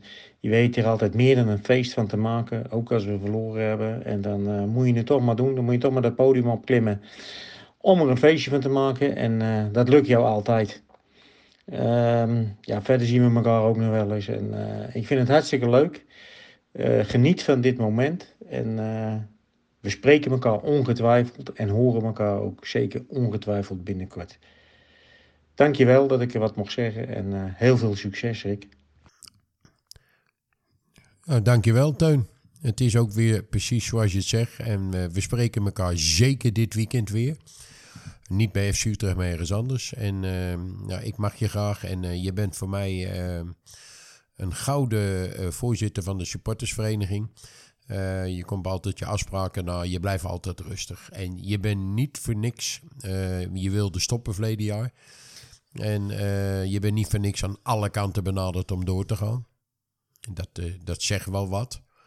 En ja, ik vind het altijd prettig om je even te bellen. En eh, ook jij bent een gluiperd. Want ik heb eh, van de week eh, heb ik jou gesproken. En toen zei ik dat ik naar Remco Kraak moest. Oh, ja, zit hij. Ja, ja, dat is leuk, joh. Dat is leuk, joh, om te doen, joh. Oh, leuk. Wist ik niet. Leuk, joh. Hè? Want jullie weten nooit niks. Ja, mooi hè. Nee, top man. Nee, Teun. Gauw, gauw, gauw vent. Maar als ik over dingen die ik mee heb gemaakt, de leukste dingen in mijn leven is en blijft toch dingen rondom Utrecht. Ja. Ik heb eh, bijvoorbeeld eh, eh, Utrecht won de beker. En eh, toen was de huldiging in het stadion ook. Iedereen mocht op het veld gaan staan. Spelers erbij. En wij moesten boven op een bordes hadden ze gemaakt. Heel groot podium. En ja, ik meen ik, Ronnie van Bemmel, Hans Kaai, Martin Verdoren. En we mochten allemaal een paar liedjes zingen. Zo voor die hele massa die op dat veld stonden. Ah, dat vergeet ik nooit meer. Ik ben natuurlijk ook drie keer mee geweest eh, naar de Kuip. En ehm, nou, eh, twee keer op een boot. Supportersboot van de supportersvereniging. Nou, dat was ook een belevenis om te zingen op die boot. Maar dan kom je daar aan. En dan heb je eh, twee fanpleinen. Aan de ene kant is Feyenoord fanplein. Eh, toen, eh, of Twente, eh, tegen wie hebben we allemaal gespeeld. En aan de andere kant eh, het Utrecht fanplein. Daar hadden ze dan podiumwagens eh, geplaatst. En dan mochten wij allemaal eh, wat zingen. Ik was dat, Martin Verdoren volgens mij was er ook wel eens bij. Eh, en Marian Weber heeft er wel eens gestaan. Herman Bekien ook nog een keer. Dat was ook zo mooi. Die had hoogtevrees. En die wou niet op die podiumwagen staan. Dat dorst hij niet. Moet nagaan. En dan had je voor die podiumwagen, beneden had je een, zou maar zeggen, een hek. Hè, Dan kon je een stukje lopen en graag. En dan hadden ze een groot hek geplaatst. En daar stonden al die supporters achter. En er ging die Herman McKean ging bij dat hek staan. Door die spijlen heen met die microfoon. En dan ging die zingen. Maar die wou niet boven op die podiumwagen staan. Dat was heel triest. Die man op, een- op een gegeven moment kreeg die podiumvrees. En ehm nou, dan sta je daar voor. 15.000 man. Op dat fanplein. Ja, hey, dat is geweldig. Als je eh, iets doet, u roept of, of, of als ik boven de dom zat en al die handen gaan de lucht in. Nou, dan groeien. Dan groeien. Iets wat ik, eh, en dat heb ik drie keer meegemaakt, mogen maken. Nou, dat was geweldig. En wat mij zeker altijd nog bijblijft, dat is eh, Liverpool FC Utrecht. Dat was zo geweldig. Ik werd gevraagd, samen met Marten Verdoren, om te zingen in een pub. Daar. Duizend Utrecht supporters binnen, Engelse pub, hè, midden in, in, in, in Liverpool. Er mochten alleen Utrecht supporters in eh, vertoon van de... nou ja, wij daar een beetje blaren binnen, slecht geluid allemaal. eh, maar, maar, maar het maakt niet uit. Nou, op een gegeven moment is dat klaar, eh, gereden. En dan gaat iedereen in... eh, wij waren met vliegtuig gekomen in de bussen ook naar het, het stadion. We rijden zo. Wij reden langs wijken, straatjes. Dat ik denk van nou, hier, hier staat de tijd al 30 jaar stil. Vieze oude stad. Het waren allemaal nog telefoonpalen in de straat. Aan iedere kant op de stoep een paal met die draden bovenin. Overal nog antennes op de daken. Ik denk, de Coronation Street wel. Ik denk nou, eh, wat een oude bende. We komen aan bij eh, het, het- het stadion van Liverpool. Eén oude bende. Ik zeg, wat een lelijk vies oud stadion hier. Weet je? Zo keken we zo allemaal uit de bus. Loop je het stadion in? Nou, toen piepte ik wel anders hoor. Want dat zag er aan de binnenkant wel gelikt uit. Mooie tribunes zo geleidelijk omhoog. Dat is echt wel een tempel hoor. Ja, dan sta je daar met eh 6.000, 7.000 man. En dan gaan ze dat You Never Walk Alone doen. Dat is heel indrukwekkend. Maar niet die eh eh, Lee Towers of zo, maar Gary en de Pacemakers, Ja, een Gary clublied. Dan gaat er op die grote tribune van hun, gaan ze een vlag ontvouwen van Liverpool, beneden. En door die handjes gaat die, die, die vlag omhoog. Die gaat dan linksaf op de bovenste rij helemaal naar het eind. Dan gaat hij weer naar beneden en dan komt hij weer terug. En precies als hij is waar hij vertrokken is, die vlag, is het liedje afgelopen. Dat is echt mooi om te zien hoor. Voor de rest hebben wij hun helemaal overtroffen. Weggezongen toch? Want je hoorde ze niet meer. Nee, maar nou, dan praat je over een grote Engelse club. Ja, ja, ja. ja. En wat je er ook niet meer voor kan stellen, dat je ook nog gewoon 0-0 speelt. Nee, nee, Hè, dat zou je nou, dat, hè, dat in de Europa Cup, dat kun je vergeten. En 0-0. En eh, nou ja, eh, je kan zo het veld oplopen. Ja. Je mocht ook niet opstaan. De onderste rijen waren met doeken afgeplakt. Maar als je alleen maar ging staan, kwamen er drie, vier van die stewards op. Sit down, sit down. Want je, je, ze zijn bang dat je het veld oploopt. want je kan zo het veld oplopen. Je springt over een reclamebord heen en je staat op het veld. En op een gegeven moment het was 0-0. En eh, alle Engelsen eh, moesten het stadion uit en wij mochten blijven zitten. Wij gaan zingen. Utrecht kwam terug het veld op. Die ging bij ons staan op het veld. Wij hebben denk ik een half uur lang, want zo, we moesten blijven zitten tot we eruit mochten, alleen maar Utrecht gezongen. Die politieagenten en die stewards die stonden met de mond open. Die hadden dit nog nooit meegemaakt. Zo'n sfeer maakten we toen. Maar ik vind het... Ja, eh, echt gedomineerd inderdaad. maar ik ben ook eh, bij wijze van spreken in HSV geweest. Hamburg was ook geweldig. Eh, eh, ah, waar ben ik allemaal nog niet geweest. Een wedstrijd die me ook bijbleef uit Eintracht Frankfurt. Oh ja. Oeh, daar stonden gewoon 6.000, 7.000. eh daar had je aan de zijkant te staan plaatsen. En achter het doel zit plaatsen. Dat is andersom. Nou, dat was ook geweldig. We komen nog voor ook door Gerard van der Lem. Of Gerard de Voort. Was ook trouwens een gewaardeerde speler hoor, de Voort. En eh, we kwamen daar naar voren ook. Maar ja, die Eintracht Frankfurt, dat was toen eh, Bruno Petzai, Hulsebijn, Boem Boem Tja. Nou, die gingen de versnelling hoger draaien. Het was het Was zo klaar. eh, drie of vier één. Ja. Ja. Ja, mooi. Maar dat zijn toch wel allemaal hele mooie dingen die ik altijd met Utrecht meegemaakt heb. Kan, ik, ik kan niet anders zeggen. Ik, en nou zit ik te denken, we hebben het over spelers van Utrecht, dit of dat. Hé, hey, luister, er is geen beter middenveld geweest als Wouters Kruis Adelaar. Nee, nee. Dat klopte aan alle kanten, vooral Wouters. Hè. Vergis je daar ook niet in. Waardevolle speler voor Utrecht altijd geweest. Hè? Ajax geweest, Nederlands elf. Hij zat op het Nederlands Toen, toen, toen, toen, toen- nee, maar hij zat er in het Nederlands elftal. Toen voetbalde Ja, hij nog ja, bij ja. ons. Ja. En wat waren wij vroeger trots als een speler ja. van ons in het Nederlands elftal kwam. bizar. Een Utrechter. Maar dat gebeurde nooit. Het was alleen maar. Ajax, Feyenoord, eh, eh, die spelers. En als ze dan een Utrechter... We hebben het met Mols even gehad. We hebben het met Wouters Van gehad. de Berg één Van keertje. de Berg. Ja, Voor de rest eh, van de Berg, Mols. ja, er zullen er hier en daar nog wel een verdwaalde Ja. geweest zijn hoor. Niet dat ik... Maar die van de Berg ook. Hé, luister. Ja. Ik heb nog nooit iemand gezien die een zo'n voorzet had als. Ach, ik ook niet. Maar die gozer die hoeft ook geen speler voorbij. Nee. Die, die, die krulde hem zo ervoor langs, joh. Ik, Op een stukje van 10 centimeter Ah, van de achterlijn. presteer- als hij die ah, maar 10 centimeter had, Wereld. presteerde hij het nog om hem in de doelmond te krullen.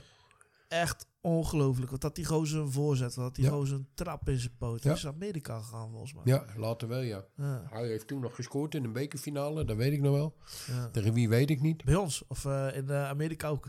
Nee, in- met FC Utrecht. In een bekerfinale scoorde hij ja, toen ja, nog een ja, keer. Ja, ja, zeker. Hey, eh, je hebt nog meer. Je hebt, je hebt zoveel vrienden lopen bij, bij Utrecht. Ja. Je bent er zelf ook al over begonnen. Paul Pessel. Ja, is ook een Paul is een grote vriend van me. Ja, ik kom eh, nog wel eens in zijn... Die bel ik wel. Ik kom ook wel eens in zijn zaak, een bakje drinken. Ja. En dan hebben we het altijd over Utrecht. Ja, ja, mooi is dat, hè? Nou, Paul wil ook wat zeggen tegen. Mij werd gevraagd om wat eh, leuks in te spreken voor Rick Hoogland. Nou, dat is natuurlijk heel erg makkelijk. Utrechts eh, echt volkszanger nummer 1. Overal in Utrecht is hij geweest. In de kroegen, bij de voetbalclubs, thuis in de tuin, grote feesten. Ja, Rick Hoogland is natuurlijk een feestnummer. Heeft eventjes, eh, jammer genoeg, wat met zijn gezondheid eh, lopen klooien. Maar hij is er gelukkig weer helemaal bovenop. En daar ben ik heel erg blij mee. Want buiten dat ik Rick al eh, meer dan 40 jaar kan, ken, is hij ook een goede vriend van mij. We hebben vele dingen meegemaakt. Ook met de buitenlandse artiestenreizen. Ja, dan is Rick wel een van de geinmakers die de hele dag voor je gaat verzorgen. Ik zeg Rick, ik hoop u nog vele jaren zo mee te maken. En dat ik mag eh, veel van genieten van je muziek. Groetjes, Paul Pessel. Ook niks gezegd tegen me. Maar ik heb hem de laatste twee weken niet meer gesproken hoor. En ik wou er toevallig vanmiddag weer naartoe gaan voor een paar, paar eh, gimpies of zo. Maar Paul, eh, ja, ken ik mijn leven lang al. Heb ook zijn nukken, wel eens, weet je wel. En, ziet het altijd een beetje zwart-wit. Is altijd, altijd recht toe. Recht aan, zegt hij het. En eh, ja, ja, goed. eh, het is een gouden gozer die zijn woord altijd houdt. En eh, ja, we hebben een band eh, en die is altijd wel gebleven. Paul heeft natuurlijk ook met zijn gezondheid heel erg gekwakkeld. Dat hij erg ziek werd en allerlei eh, eh, eh, eh, behandelingen nodig heeft gehad. En, maar doordat Paul toch wel een sportjongen altijd is geweest en sterk is van binnen, denk ik dat hij het gered heeft. En eh, ja, ik heb er ook erg mee gezeten. Ik heb hem eh, vaak gebeld door de week. Hoe is nou, hoe is nou, hoe is nou, hoe is nou? En eh, nou ja, hij is er bovenop gekomen en blij voor die jongen. Want ja, die was nog veel te jong. Ja, je maakt wat mee in het leven, hè? Ja. Ja, ja, ja, ja. Ja. Ja. Hey, ehm, Paul die zei het al, hè? Eh, het, Utrechtse, het Utrechtse lied. Waar ligt voor jou nou de oorsprong van het Utrechtse lied? Ligt die bij Rijk de Gooien? Je had ook die Jaap Fischer met Wat een Bal. De eerste Utrechtse liedje is natuurlijk is en blijft eh, eh, Rijk te gooien. Dat Rijk is gooien. wel de grondlegger geweest. Ja. En niet alleen als ik boven op de dom sta. Het is- was trouwens als ik boven op de dom kom. Kom, Eh, ja, ja. En, oh, sorry. Als ik boven de dom kom, dat ging allemaal heel aan. Denk maar, en op de dom kom, weet je, weet je, allemaal zo. Hij heeft natuurlijk daarna nog eh, een paar eh, singeltjes uitgebracht in die jaren. Benne Krenger van Dingen heette dat. Allemaal heel plat Utrechts. En daar was je zo trots op als een pauw. Want, hé, hey, al die Amsterdamse liedjes Rotterdamse... We hebben nou ook... eh, je, hoort, je hoort Utrecht eh, een keer. En eh, later zijn er nog een paar dingen bijgekomen. Ik herinner me een zanger die heette Paul Vreeburg. Daar ben ik wel eens bij in de studio geweest. Die bracht een singeltje uit en die heette Omdat je mag. Oké. Sta met rozen voor je deur. Soms krijg ik een rode kleur. Omdat je mag. Zo heet het. In plat Utrechts. Je was zo trots als een Ja. pauw. Dat er een Utrechts liedje uitgebracht werd. En op de radio gedraaid werd. Want dat was je niet gewend. Nee. En toen kwam natuurlijk dat gedoe met, met, met Utrecht. Eh, toen kwam Herman Bekien natuurlijk ook met zijn liedjes. Ja. En vooral eh, eh, van je Euro, Euro Utrecht. Ja, Nou, hey, wie komt daarop? Ja. Dat was een oud liedje uit de oorlog. Daar zijn de appeltjes van oranje weer. Sinaasappelen, zoek ze zelf maar uit. Dat was een heel oud liedje uit de oorlog. Ja. Dat bracht hij eh, eh, in, in melodie, gebruikte die voor euro, euro. Ja, Hey. En toen later kregen we natuurlijk die Jaap Dekker. We geven het niet op. We laten ons niet kennen. Dat was met die kwartetspellen allemaal om de club te redden en zo. ja. En eh, ja, nou ja. En toen eh, dacht ik van, ja jongens. En toen kreeg je een tijd niks. Nee. Ik, godverdikke me jongens, we moeten weer een beetje Utrechtse dingen gaan Ja, doen. ja, ja, ja. En toen ben ik er een beetje mee begonnen. Zo zat het, ja. En weet je- je, ik ben een jongen van de stad. Ja. Ik heb altijd gewoond hier. Ik ben trots op mijn stad. Ja. Ik ben, eh, een ander moet niet wat verkeerd zeggen over, eh, over de. nou, nog, kijk, over FC Utrecht hebben mensen wel eens gelijk. Als ze daarover gaan schelden, ik kan er niet goed tegen. Maar aan de andere kant denk je, je hebt gelijk. Als het weer eens heel slecht gaat. snap je? Maar over onze stad moeten ze, moeten ze afblijven. Er gaat bij mij niks boven Nee, Utrecht. gewoon, eh, Het is zo'n mooie stad. Ik heb Ja. een paar jaar geleden werd ik uitgenodigd door Teun de Hartog, sportersvereniging, om met mijn vrouw. Hadden ze een rondvaart. En dan gingen we en met al de sporters en zo gingen we een rondvaart doen, s'avonds. En dan onderweg werden we, mochten we in een restaurant, een Duits restaurant. Ging die stoppen, mochten we eraf. Mochten we lekker wat eten en zuipen. En, en dan weer met die rondvaart terug. En dan eh, was ik ook bij. was je er ook bij? Ja, in dat. Duitse eh, Ja. eh, ding. Wat was dat? Kartoffel? Nee, Ja, eh, kartoffel, ja. Hè? Kartoffel, ja, ik was er ook bij met mijn ja. vrouw en een kennis en een Ja. vriend van me met zijn vrouw. Atje was het ook nog. Ja, die single die was toen nog niet helemaal open. Want op een gegeven moment moest hij terug, hè? Ergens Ja. bij het Vreeburg moest hij weer Ja. omkeren. Maar toen, dat zou jij ook wel opgevallen zijn, ik, wij hebben, ik ben dingen tegengekomen met varen, nee, nee, nee, ik nog nooit gezien. Ja. Ik denk op een gegeven moment, waar zijn we hier? Mm. Want je ziet al die oude geveltjes Ja. en bedrijfjes en huizen. Ik denk bij mij, Mm. dit heb ik nog nooit gezien. En dan zie je pas wat een mooie stad wij hebben. Mm. Ja. Toen. Klopt. Ja. Ja, die mooie werfkelders. en, Ja, eh, joh. Kijk, je kan er zeggen van ze willen. Eh, heb je het weer, Utrecht. Amsterdam heeft meer grachten als Utrecht. Ja. Die heeft langere grachten als Utrecht. Die heeft er ook veel meer. Mm. Prinsengracht, Keizersgracht, dat gracht, dit gracht. Maar ze zijn niet zo uniek als Utrecht. Nee. En dat heeft ermee te maken. Amsterdam heb je een gracht. Dan heb je die hoge muren. En dan kun je overheen kijken. En, that's it. Klopt. Maar wij kunnen langs de... eh, eh, wij hebben die werfkelders. Ja. En wij, er zitten allemaal restaurantjes in. En wij kunnen langs de gracht lopen beneden. Dat is uniek in de wereld hoor. Dat heb, dat heb Amsterdam niet. Nee, is heel bijzonder, ja. Ja. En je hebt zelf meerdere nummers eh, over de club en de stad gemaakt. Ja. Eh, al moeten kruipen. Ja. Eh, wat motten ze dan? Ja. Kou voor jou Utrecht laatst. Ja. En dan Euro Euro in een nieuwe uitvoering Ja. met Danny Temmy. Ja. En doodgewoon Utrecht, hè? Ja.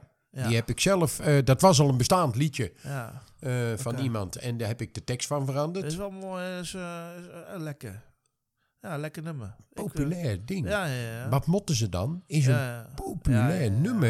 Ik, ik vind niet het lekkerste liedje om te zingen. Nee. Maar als ik ergens ben, als ik ergens binnenkom, is het eerst wat hoor. Wat moeten ze dan? Ja. Wat moeten ze dan? ja, maar het, eh, FC Utrecht vooruit. ja, tuurlijk. Luister. Tudu- Ja, nou, ik, ik, ik, ik, eh, ik, ik zat een keer naar de Jungle Book te Jungle kijken. Book, ja. ja, en hij die olifantenmars.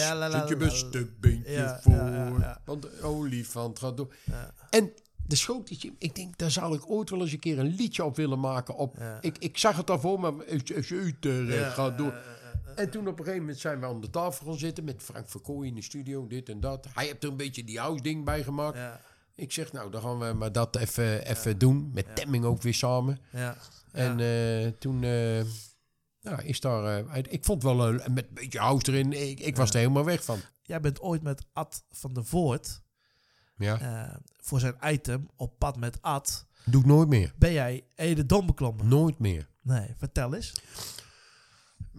Ik word eh, voor, ah, gebeld eh, door Ad. Of aangesproken. Wij gaan een keer... eh, je weet hoe die kan praten, hè? Ja, tuurlijk. Een beetje eh, even goed luisteren, wat bedoel je nou?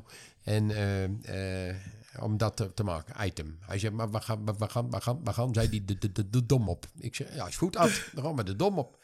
Oké, nou, de, ik moest uit, bij de dom afspreken. Daar stond Ad, daar stond Mikey Vermeulen, daar stond Teun de Hartog met zijn vrouw. En daar stonden een paar jongens met een eh, eh, eh, filmcamera. En een groepje van een man of zeven. Maar ik was er nooit te dom op geweest. En mijn conditie is, en mijn leeftijd en zoiets van, nou ja, ik zie het wel. Ik ga naar boven. En eh, dan heb je eerst eh, een paar trappen op en dan krijg je, hij nog breed en dan heb je een plateau. Daar krijg je de kans om even geïnterviewd te worden Ja. door Ad. Ja. En dan ga je weer verder. Dan Ja. kom je weer op een verdieping. Dan kan je ook weer geïnterviewd worden door Ad. Oké, nou. En nog verder naar boven. Maar hij wordt steeds smaller. Ja.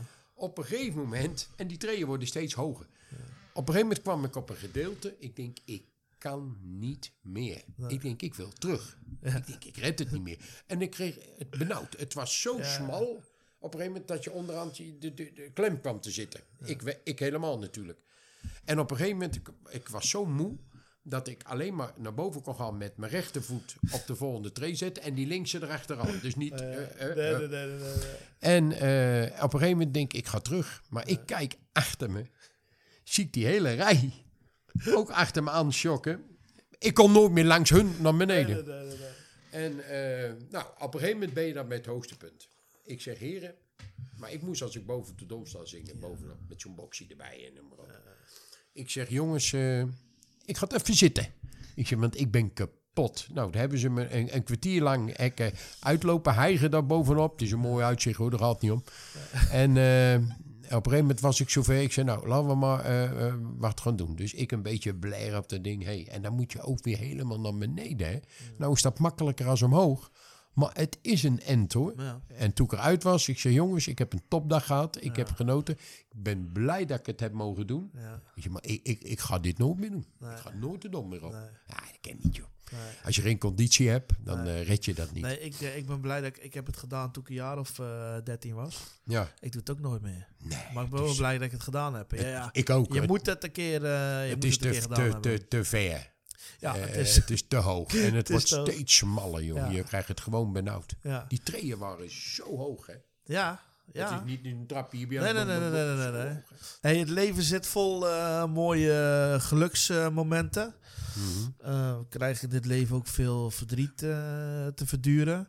Ja. Eh, verdrietig moment in het leven van jou en jouw familie is het overlijden van Job Leifheid. ja, In zeker.2014, zwager, ja. je zwager. Ja. Je hebt op zijn herdenking in de Galgenwaard ook het lied aan moeten kruipen gezongen. ja, een stuk of drie liedjes, geloof ik. maar dat moet verschrikkelijk geweest zijn. Ja, moeilijk. joh. nou, dat is het altijd als het onverwachts is, hè. Nou, Ik bedoel, eh, wij staan nog eh, zondags eh, in het stadion samen te zingen. Utrecht liedjes bij het afscheid van Joop Blankenstein. Joop Blankenstein was de beheerder van het. Die werkte daar, vaste kracht. Die was daar fulltime. En die ging naar Spanje. een café beginnen, waar die nu nog zit. En dat was hem afscheid. Eh, hij is dat, eh, ja, lijfwijd, ja, ja, die hebben hup, hup, hup, eh, zuipen, die ging helemaal door het geluid heen. En, ja, hup, hup, hup. En op een gegeven moment, ja, ik ga naar huis. En de, de, de volgende avond ben ik ergens en ik krijg een telefoontje dat hij overleden was, op zijn bed dood gevonden was. Ik denk, wat is dit? Gisteren nog, maar ja, goed. Vooral voor de supporterscultuur. Ja, het eh, was het boegbeeld eh, van de supporters een beetje wel... eh, ja, iedereen kon hem. ja. eh, in het supportershome dag en nacht bij Utrecht. Ja. Ook op de dag, want hij werkte niet. Dus het was de hele dag in de supportershome hangen. Een beetje meehelpen, een beetje ja. slappen hoeren. En eh, een partiertje spelen. En natuurlijk met de wedstrijden. Maar ook, eh, hij had die Hans de Wit al zo ver gebracht... dat hij ook met verjaardagen partier mocht spelen... wat helemaal niet nodig was. Maar ja, eh, dat is goed joh. Daar kreeg hij geld voor. ja. En eh, nou ja... eh, Ja, belangrijk. En eh, samen met Harry Dokter natuurlijk ook. eh, ja, dat was zijn boezemvriend. ja, Ja, ja, ja. eh, Harry en hij, eh, dat was... eh, ja, maar die, ja, Job was gewoon eh, ja, een grote bek. Altijd, maar eh, hij had wel op de juiste plek.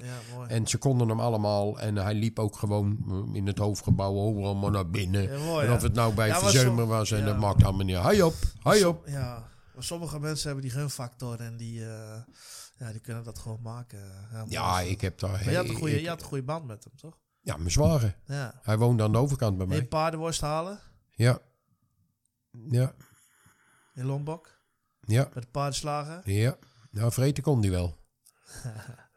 nee joh. Je had vroeger, ken je dat nog, rondom voetbal? Dat was een overkoepelend orgaan. Dat, ging, dat was een blad, werd daar ook uitgebracht. Oké. En dat, ging, en dat was het overkoepelend orgaan van alle amateursverenigingen Oh, oké, uit ja. Utrecht. Paul Pessel zat er een beetje bij. En nog zo'n... Ja, ik ben zijn naam kwijt. Hij is trainer altijd geweest van amateurclubs bij VV De Meren. en Rob bij- Zomer? Rob Zomer, ja. En eh, die organiseerde dat. Die was van rondom voetbal. Maar ik moest ook iedere keer daar wat zingen. Met gewoon in het supportershome. En ik eh, sta daar. Een beetje zingen, een beetje dit, een beetje dat. Job, mijn zware, ook een beetje erbij partier. Maar er was ook een eh, loterij ieder jaar. En eh, er werden er allemaal loten verkocht in die zaal. En, maar altijd druk hoor. Vergis je daar niet in. Hoop vreemde mensen ook. Mijn, mijn zware die zeggen, "Eh, moet nou wel wat winnen hoor. Het is goed. Die had ook een paar loodjes gekocht. Maar, er was bijvoorbeeld die prijs, die prijs, die kleine prijsjes. Tweede prijs was een, eh, een wedstrijdbal, een originele. En de hoofdprijs was een seizoenkaart bij FC Utrecht. Zeg maar, drie meijer of zo toen. Maar op een gegeven moment, mijn zware, die Joop, die, heb, die wint die bal. En een heel oud mannetje, die wint die seizoenkaart. Dus hij gaat, eh, die, die wordt voor mij. Hij gaat er zo bij die, bij die, bij die stand waar je, waar, waar je die loodjes kon laten zien, dat je prijs hebt. Dan komt die man aan. Eh, ik heb prijs, zei die. Ja. Wat heb ik gewonnen? Uh, meneer, zit die? Een mooie bal, hoor. Een mooie, zit het loodjes hier, zit het loodjes hier. Die is het loodjes, die heeft je hebt een mooie bal, zit die. Hey, en die man zo, dank, dank voor mijn kleinzoon, dank u wel. Die was nog blij ook. Hey, hij die. Hij zegt, je kreeg een baas voor 200, zei hij. De man werd gewoon overrompeld. het is aan de ene kant schofterig en aan de andere kant hoe dat weer Ja, maar dat is ging, prachtig, joh. Nee. Hoe dat weer ging, joh. Dat zijn alleen maar mooie dingen, man. Ja. Weet je, dat zijn van die heerlijke, heerlijke streken, weet je wel. Maar wat gewoon humoristisch is. En, eh, Mooi, hoor. ja, mooi, ja. Had hij, je had vroeger eh, in het supportershome had je die salsa-avonden. Salsa-feesten. Die begonnen pas om een uur of tien tot een uur of vier. Er werden die DJ's met alleen maar salsa-muziek. Maar dan moest hij ook altijd eh, staan dan. Hè? Ik er twee meijen voor of zo, van die Hans de Wit. Maar dan met no- nog een paar eh, mensen natuurlijk, die daar, bij personeel. En ook zo'n vent was een beetje de rechterhand van die Jan, Hans de Wit. Een vent met een ringbaardje. Zijn vrouw stond achter de munten, ook zo'n oudere vrouw. Die verkocht die munten. En eh, die vent die was ook daar, ik ben zijn naam kwijt. En eh, die was ook dan werken. Maar, hey, mijn zwager, als hij om tien uur binnenkwam, dan ging hij eh, eh, een kwart over tien naar beneden. En dan zei hij tegen die vent, even beneden. als er wat is, dan moet je me wakker maken hoor. Dan ging hij bij de lift beneden, waar hij eruit ging, ga je om de hoek, dat hoekie. En er stond een bank. Ja. Hey, dan ging hij opleggen. Ging lekker slapen.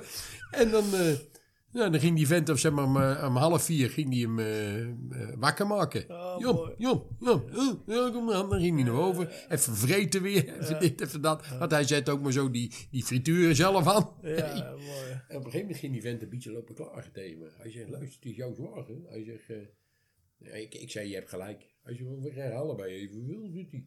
Hij zegt, maar ik loop niet maar de hele hand. Hij zegt, hij gaat hem hij gaat leggen. En als hij naar huis is afgelopen is, moet ik hem wakker maken. Boek over schrijven hoor. Nou, allemaal. Dat stadion. Hè? Oh.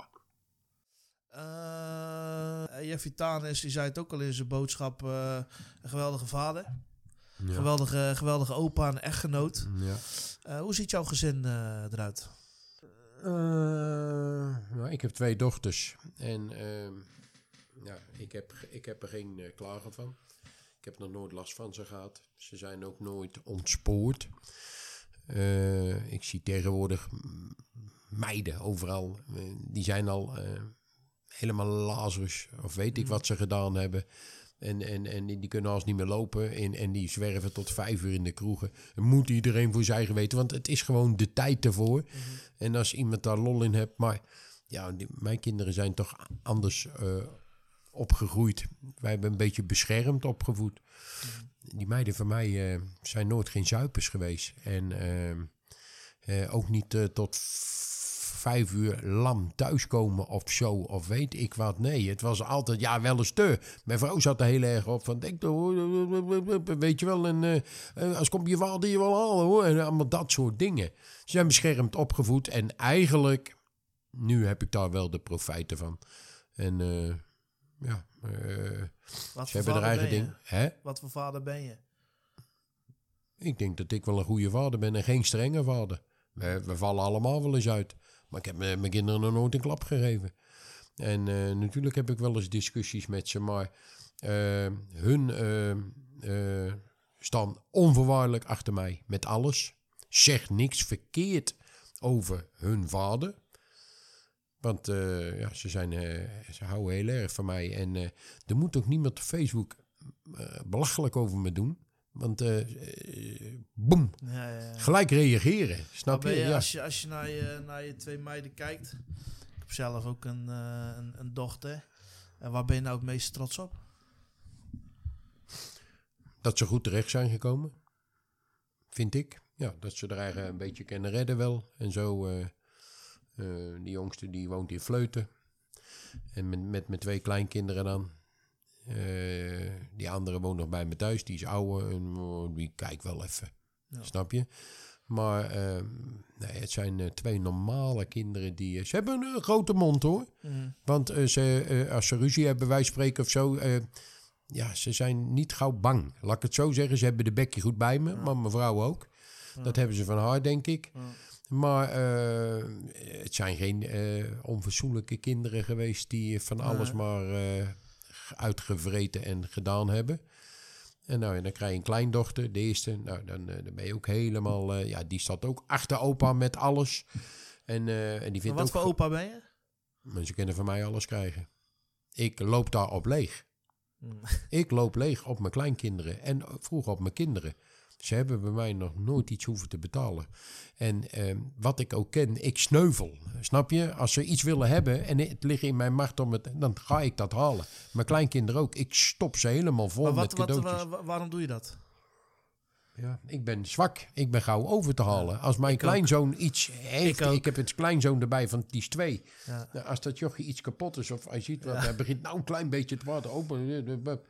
Dan denk ik, wacht maar. Dan ga ik stiekem naar de speelgoedwinkel en dan ga ik het halen. Ja, ik ben ook zo zwak, joh. Nou, ik ook. En mijn dochter, mijn kleindochter ook, die, die is nu weer bij me. Ben ik gisteren weer naar Toys Champ geweest. Heb ik weer nieuwe kleurboeken vooral voor de gehaald. Nieuwe stiften. En het is tegenwoordig eh, net zo makkelijk... eh 10 euro voor Ja. een kleurboek, een, een, Ja, een ja, leuke ja. en stiften. Eh, weet je wel, het is niet meer zoals vroeger. Wat, wat maakt het zo leuk, eh, je kleinkinderen?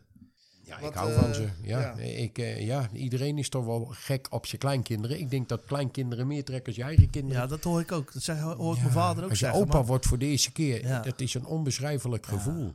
Ja. En, eh, Dat en- komt ook en- denk ik omdat je een beetje rust hebt. Dus je, dat je dat wat meer... eh, beseft of zo. Ze gaan praten, opa, Ja. opa, opa.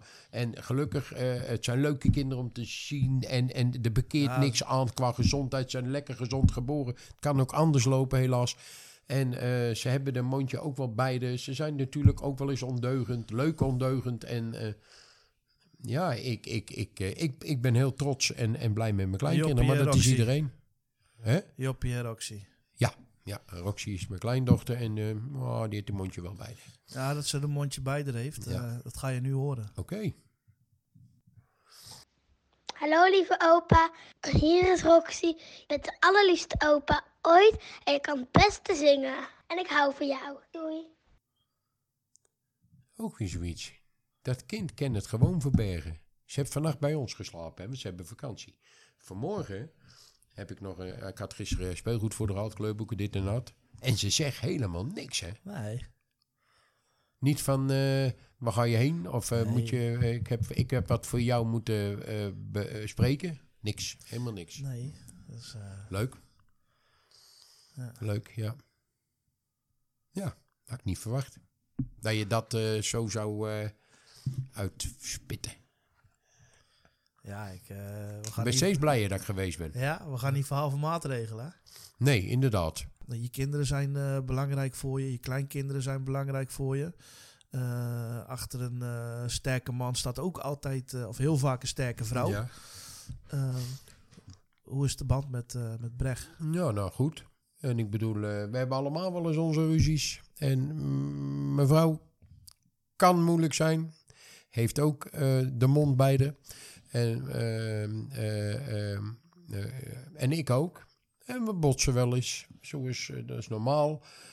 Maar we zijn nooit, ik ben nooit een dag er- ervan af geweest, laat ik het zo zeggen. Ehm, maar ja, zij heeft ook ja, te eerlijk. Ik heb een vrouw die is te eerlijk. Die zegt alles gelijk, boem. En in het begin had ik daar wel eens moeite mee. Dan is het van, joh, laat gaan. Maak je niet zo druk. Maar later ga je nadenken, denk je, ja, wat heb je eigenlijk liever? Een vrouw die het recht in iemand zijn gezicht zegt als iets Ja. niet bevalt.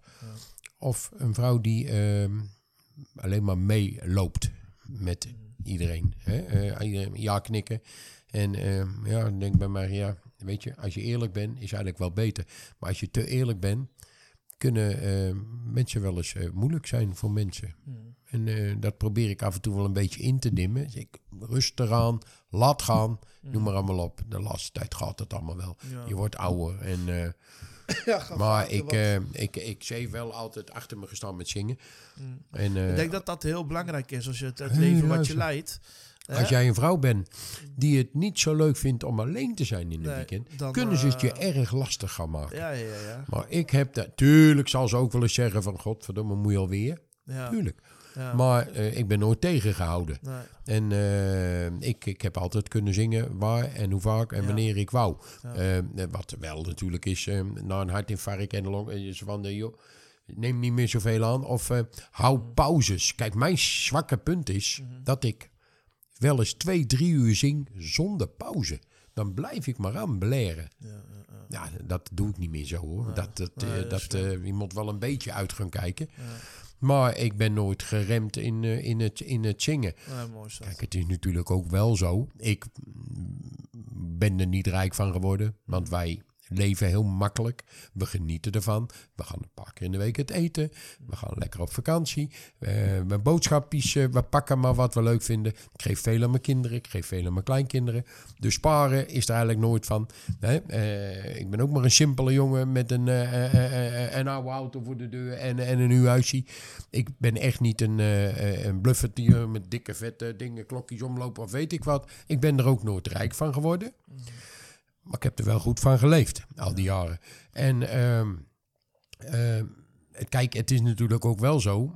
ehm, ik, ik mag gewoon zingen van mijn vrouw, al, al die tijd om. Maar, en eh, dat vindt ze goed. Maar aan de andere kant heeft zij er, en mijn gezin ook, wel van meegeprofiteerd. Tuurlijk, ja, Van je extraatjes, hè? Laten we eerlijk zijn. Nee, tuurlijk, maar dat, Ja, dat, dat, dat werkt is gewoon logisch. Zo. Ja, dat werkt gewoon zo. Ja, Hey, je vertelde eh, net al, eh, hè, je hebt een hartinfarct eh, gehad. twee keer al. Ja, ja. kan je vertellen wat er gebeurd is? begin oktober. We zijn in Turkije. En uh, artiestenreis. En uh, de dag voordat we naar huis gingen, krijg ik druk op mijn borst. Wat is dit? Ik denk, het zal toch niet hier? Ik denk, maar het kan ook wat anders zijn. Ik denk misschien een spiertje wat knel zit en zo. Maar ik voelde me, ik denk, oh. Ik ja, ik kan twee dingen doen.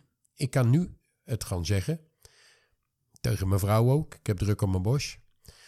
Ehm, dan krijg ik een partij paniek. Maar de volgende dag gingen we allemaal naar huis. We waren met een man of 70, 80. De volgende dag gingen we naar, terug naar Nederland. Ik denk, weet je wat? Ik zeg niks.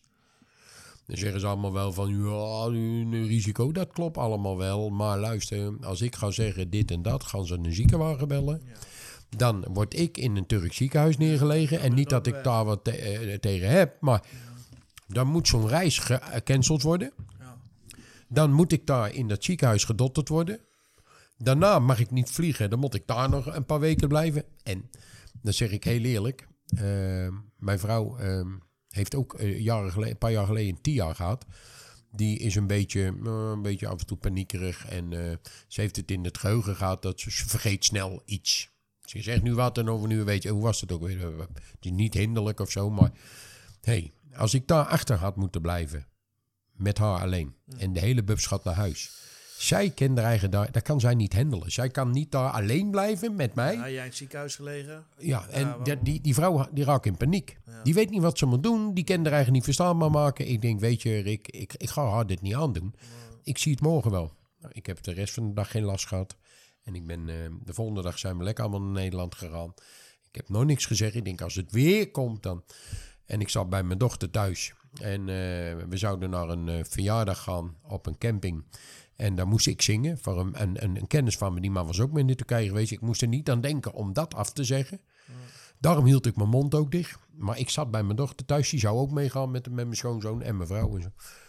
Ik denk, dit ga ik vanavond niet redden, jongens. Het moest de hele avond, hè. Ik denk, dat gaat niet. Toen zei mijn schoonzoon, er is wat met jou. Je bent stil. Mijn vrouw zei het ook. Mijn dochter zei het ook. Je bent wit. En toen besloot ik op dat moment om te zeggen van... ik ga niet zingen vanavond. En toen zei ik waarom niet. Ja, toen gingen ze een ziekenwagen bellen. En dan eh, ben ik eh, naar het Antonius eh, in Nieuwegein gebracht. En dan word je weer gedotterd. Ja. Ja, en dan zijn ze in paniek hoor. Ja. Oeh. Ja, maar goed, het is natuurlijk ook wel wat. Ook voor de, ook voor de familie. Ja, natuurlijk. hè. En dan staan ze allemaal in het ziekenhuis en kennis. Ja. En, die, en, die, en mijn kinderen. En, mijn, eh, en, en, hey, en de tweede keer met die longontsteking werd ik weer weggehaald. En dan zie je je kleinkind. Want dat, ja. Die komt dan met mijn dochter eraan.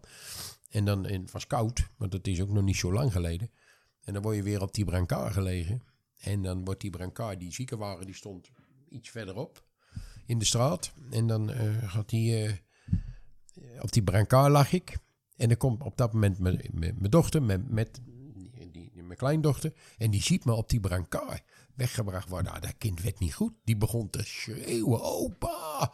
En die rende op me af eh, naar die brancard. En op een gegeven moment stopte ze. Ze dorst niet meer verder te lopen omdat ik erop lag. En weer terughollen. En het kind was helemaal in paniek.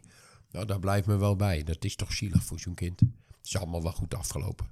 Het niet om. Eh, hey, als, je, als je nou terugkijkt op het leven wat je tot nu toe hebt eh, gehad, waar ben je nou het allermeest eh, trots op? dat ik er vele heb zien gaan en komen. En dat ik er nog steeds ben. En dat ik nog steeds een gunfactor heb. En dat mensen me toch allemaal kennen. En dat ik. eh, tuurlijk, er zijn mensen bij die vinden mij niet goed. Maar dat is logisch. Ik had vroeger ook zoiets van. eh, hè, je had vroeger ook mensen die vonden hazes helemaal niks. Maar gadverdamme, die kwal, ik hem ziet al. Dus dat is bij ons soort jongens ook. Je hebt mensen die vinden je goed en je hebt mensen die vinden je niet goed. Dat is logisch. En daar kan ik ook goed tegen, dat besef ik ook wel. Ja, ze moeten hier niet in je gezicht gaan lopen katten of weet ik wat, want dan zeg ik wel wat terug. Je moet wel, eh, hè? Maar eh, ja, iedereen kent me en iedereen komt altijd naar me toe. Als ik jarig ben, krijg ik duizend eh, reacties op Facebook, bij wijze van spreken, of als ik wat anders doe, dat eigenlijk nog steeds wel op mijn leeftijd Ja. toch nog wel een beetje in, in, in Utrecht nog wel een, een populaire eh, zanger ben. Met, eh, er zijn ook andere hoor, er gaat niet om. Er komt een hele nieuwe generatie op. En, eh, ja, maar goed, we hebben het nou over jou. maar we hebben het, eh, Ja. ja, ik, ik bedoel, eh, en, en, en ook Mag een, trots op zijn. Michael Oom heeft zijn fans. Eh Martin Verdoor heeft zijn fans. eh, die heeft zijn fans. Die heeft zijn fans. Ik zal ze ook wel hebben. En eh, nou ja, dat ik eh, het nog steeds mag doen. Ja. Daar ben ik trots op. En natuurlijk je gezin. Ja. Wat vond je Daar is ervan? Ik vond helemaal niks. jij, jij, jij, jij, stelt alleen maar van die rare vragen waar ik erg van in de war eh, raak. nu maar. Nee joh. Remco, ehm, je hebt mij benaderd en, eh, om dit te gaan doen. Ik vroeg, eh, wat is dit? Eh, wie heb je allemaal al gehad? Was ik ook benieuwd naar. Nou, je noemde allerlei grotere namen op als ik bij wijze van spreken. Hè, in de stad Utrecht. En eh, ik, eh, ik, eh, ik heb eh, gelijk gezegd, eh, is goed, laten we dat gaan doen. En ehm, eh, des te dichter dat het bijkwam, je hebt mij een berichtje gestuurd. Eh, eh, denk even na over wat anekdotes. Ik zeg, kom goed. Ik zeg, nou jij zei, liet ook blijken dat je er erg veel zin in had. Dat merk ik nu ook wel hier.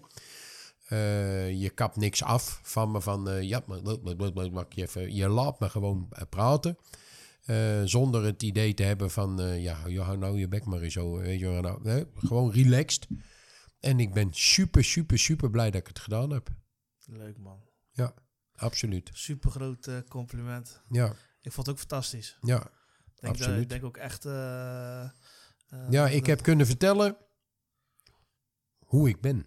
Ja. En wat ik ben en hoe ik het allemaal een beetje zie. Mhm. En ik ben een nuchter iemand en een beetje... Het, het, is leuk als ik succes heb. Maar, eh, en, en als ik het een keer niet heb, ja, volgende week weer beter. Ik denk dat je wel een gelukkig mens eh, bent. Jawel, Dat joh. je je zegeningen telt. Ik, eh, ik heb een mooi hele gezin, mooie leuk, kleinkinderen. leuke dingen meegemaakt. Top man. Ja, wil ik je bedanken. Ja, ik jou ook, zeer zeker. Sorry Rick! Wat een maatje? Ja, ik ben blij als het wel thuis. Ik zie dat al. Vijf stukje. Ja, bijna.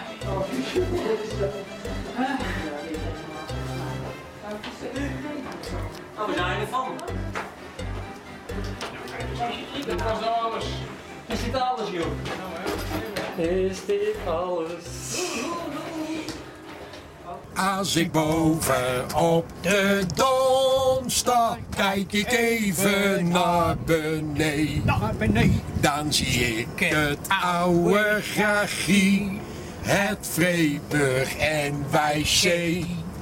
Ja, dan springt mijn hartje open. Ik ben trots, wat daar wat. Er is geen mooie plekje als Utrecht mijn stad. Als Utrecht mijn stad.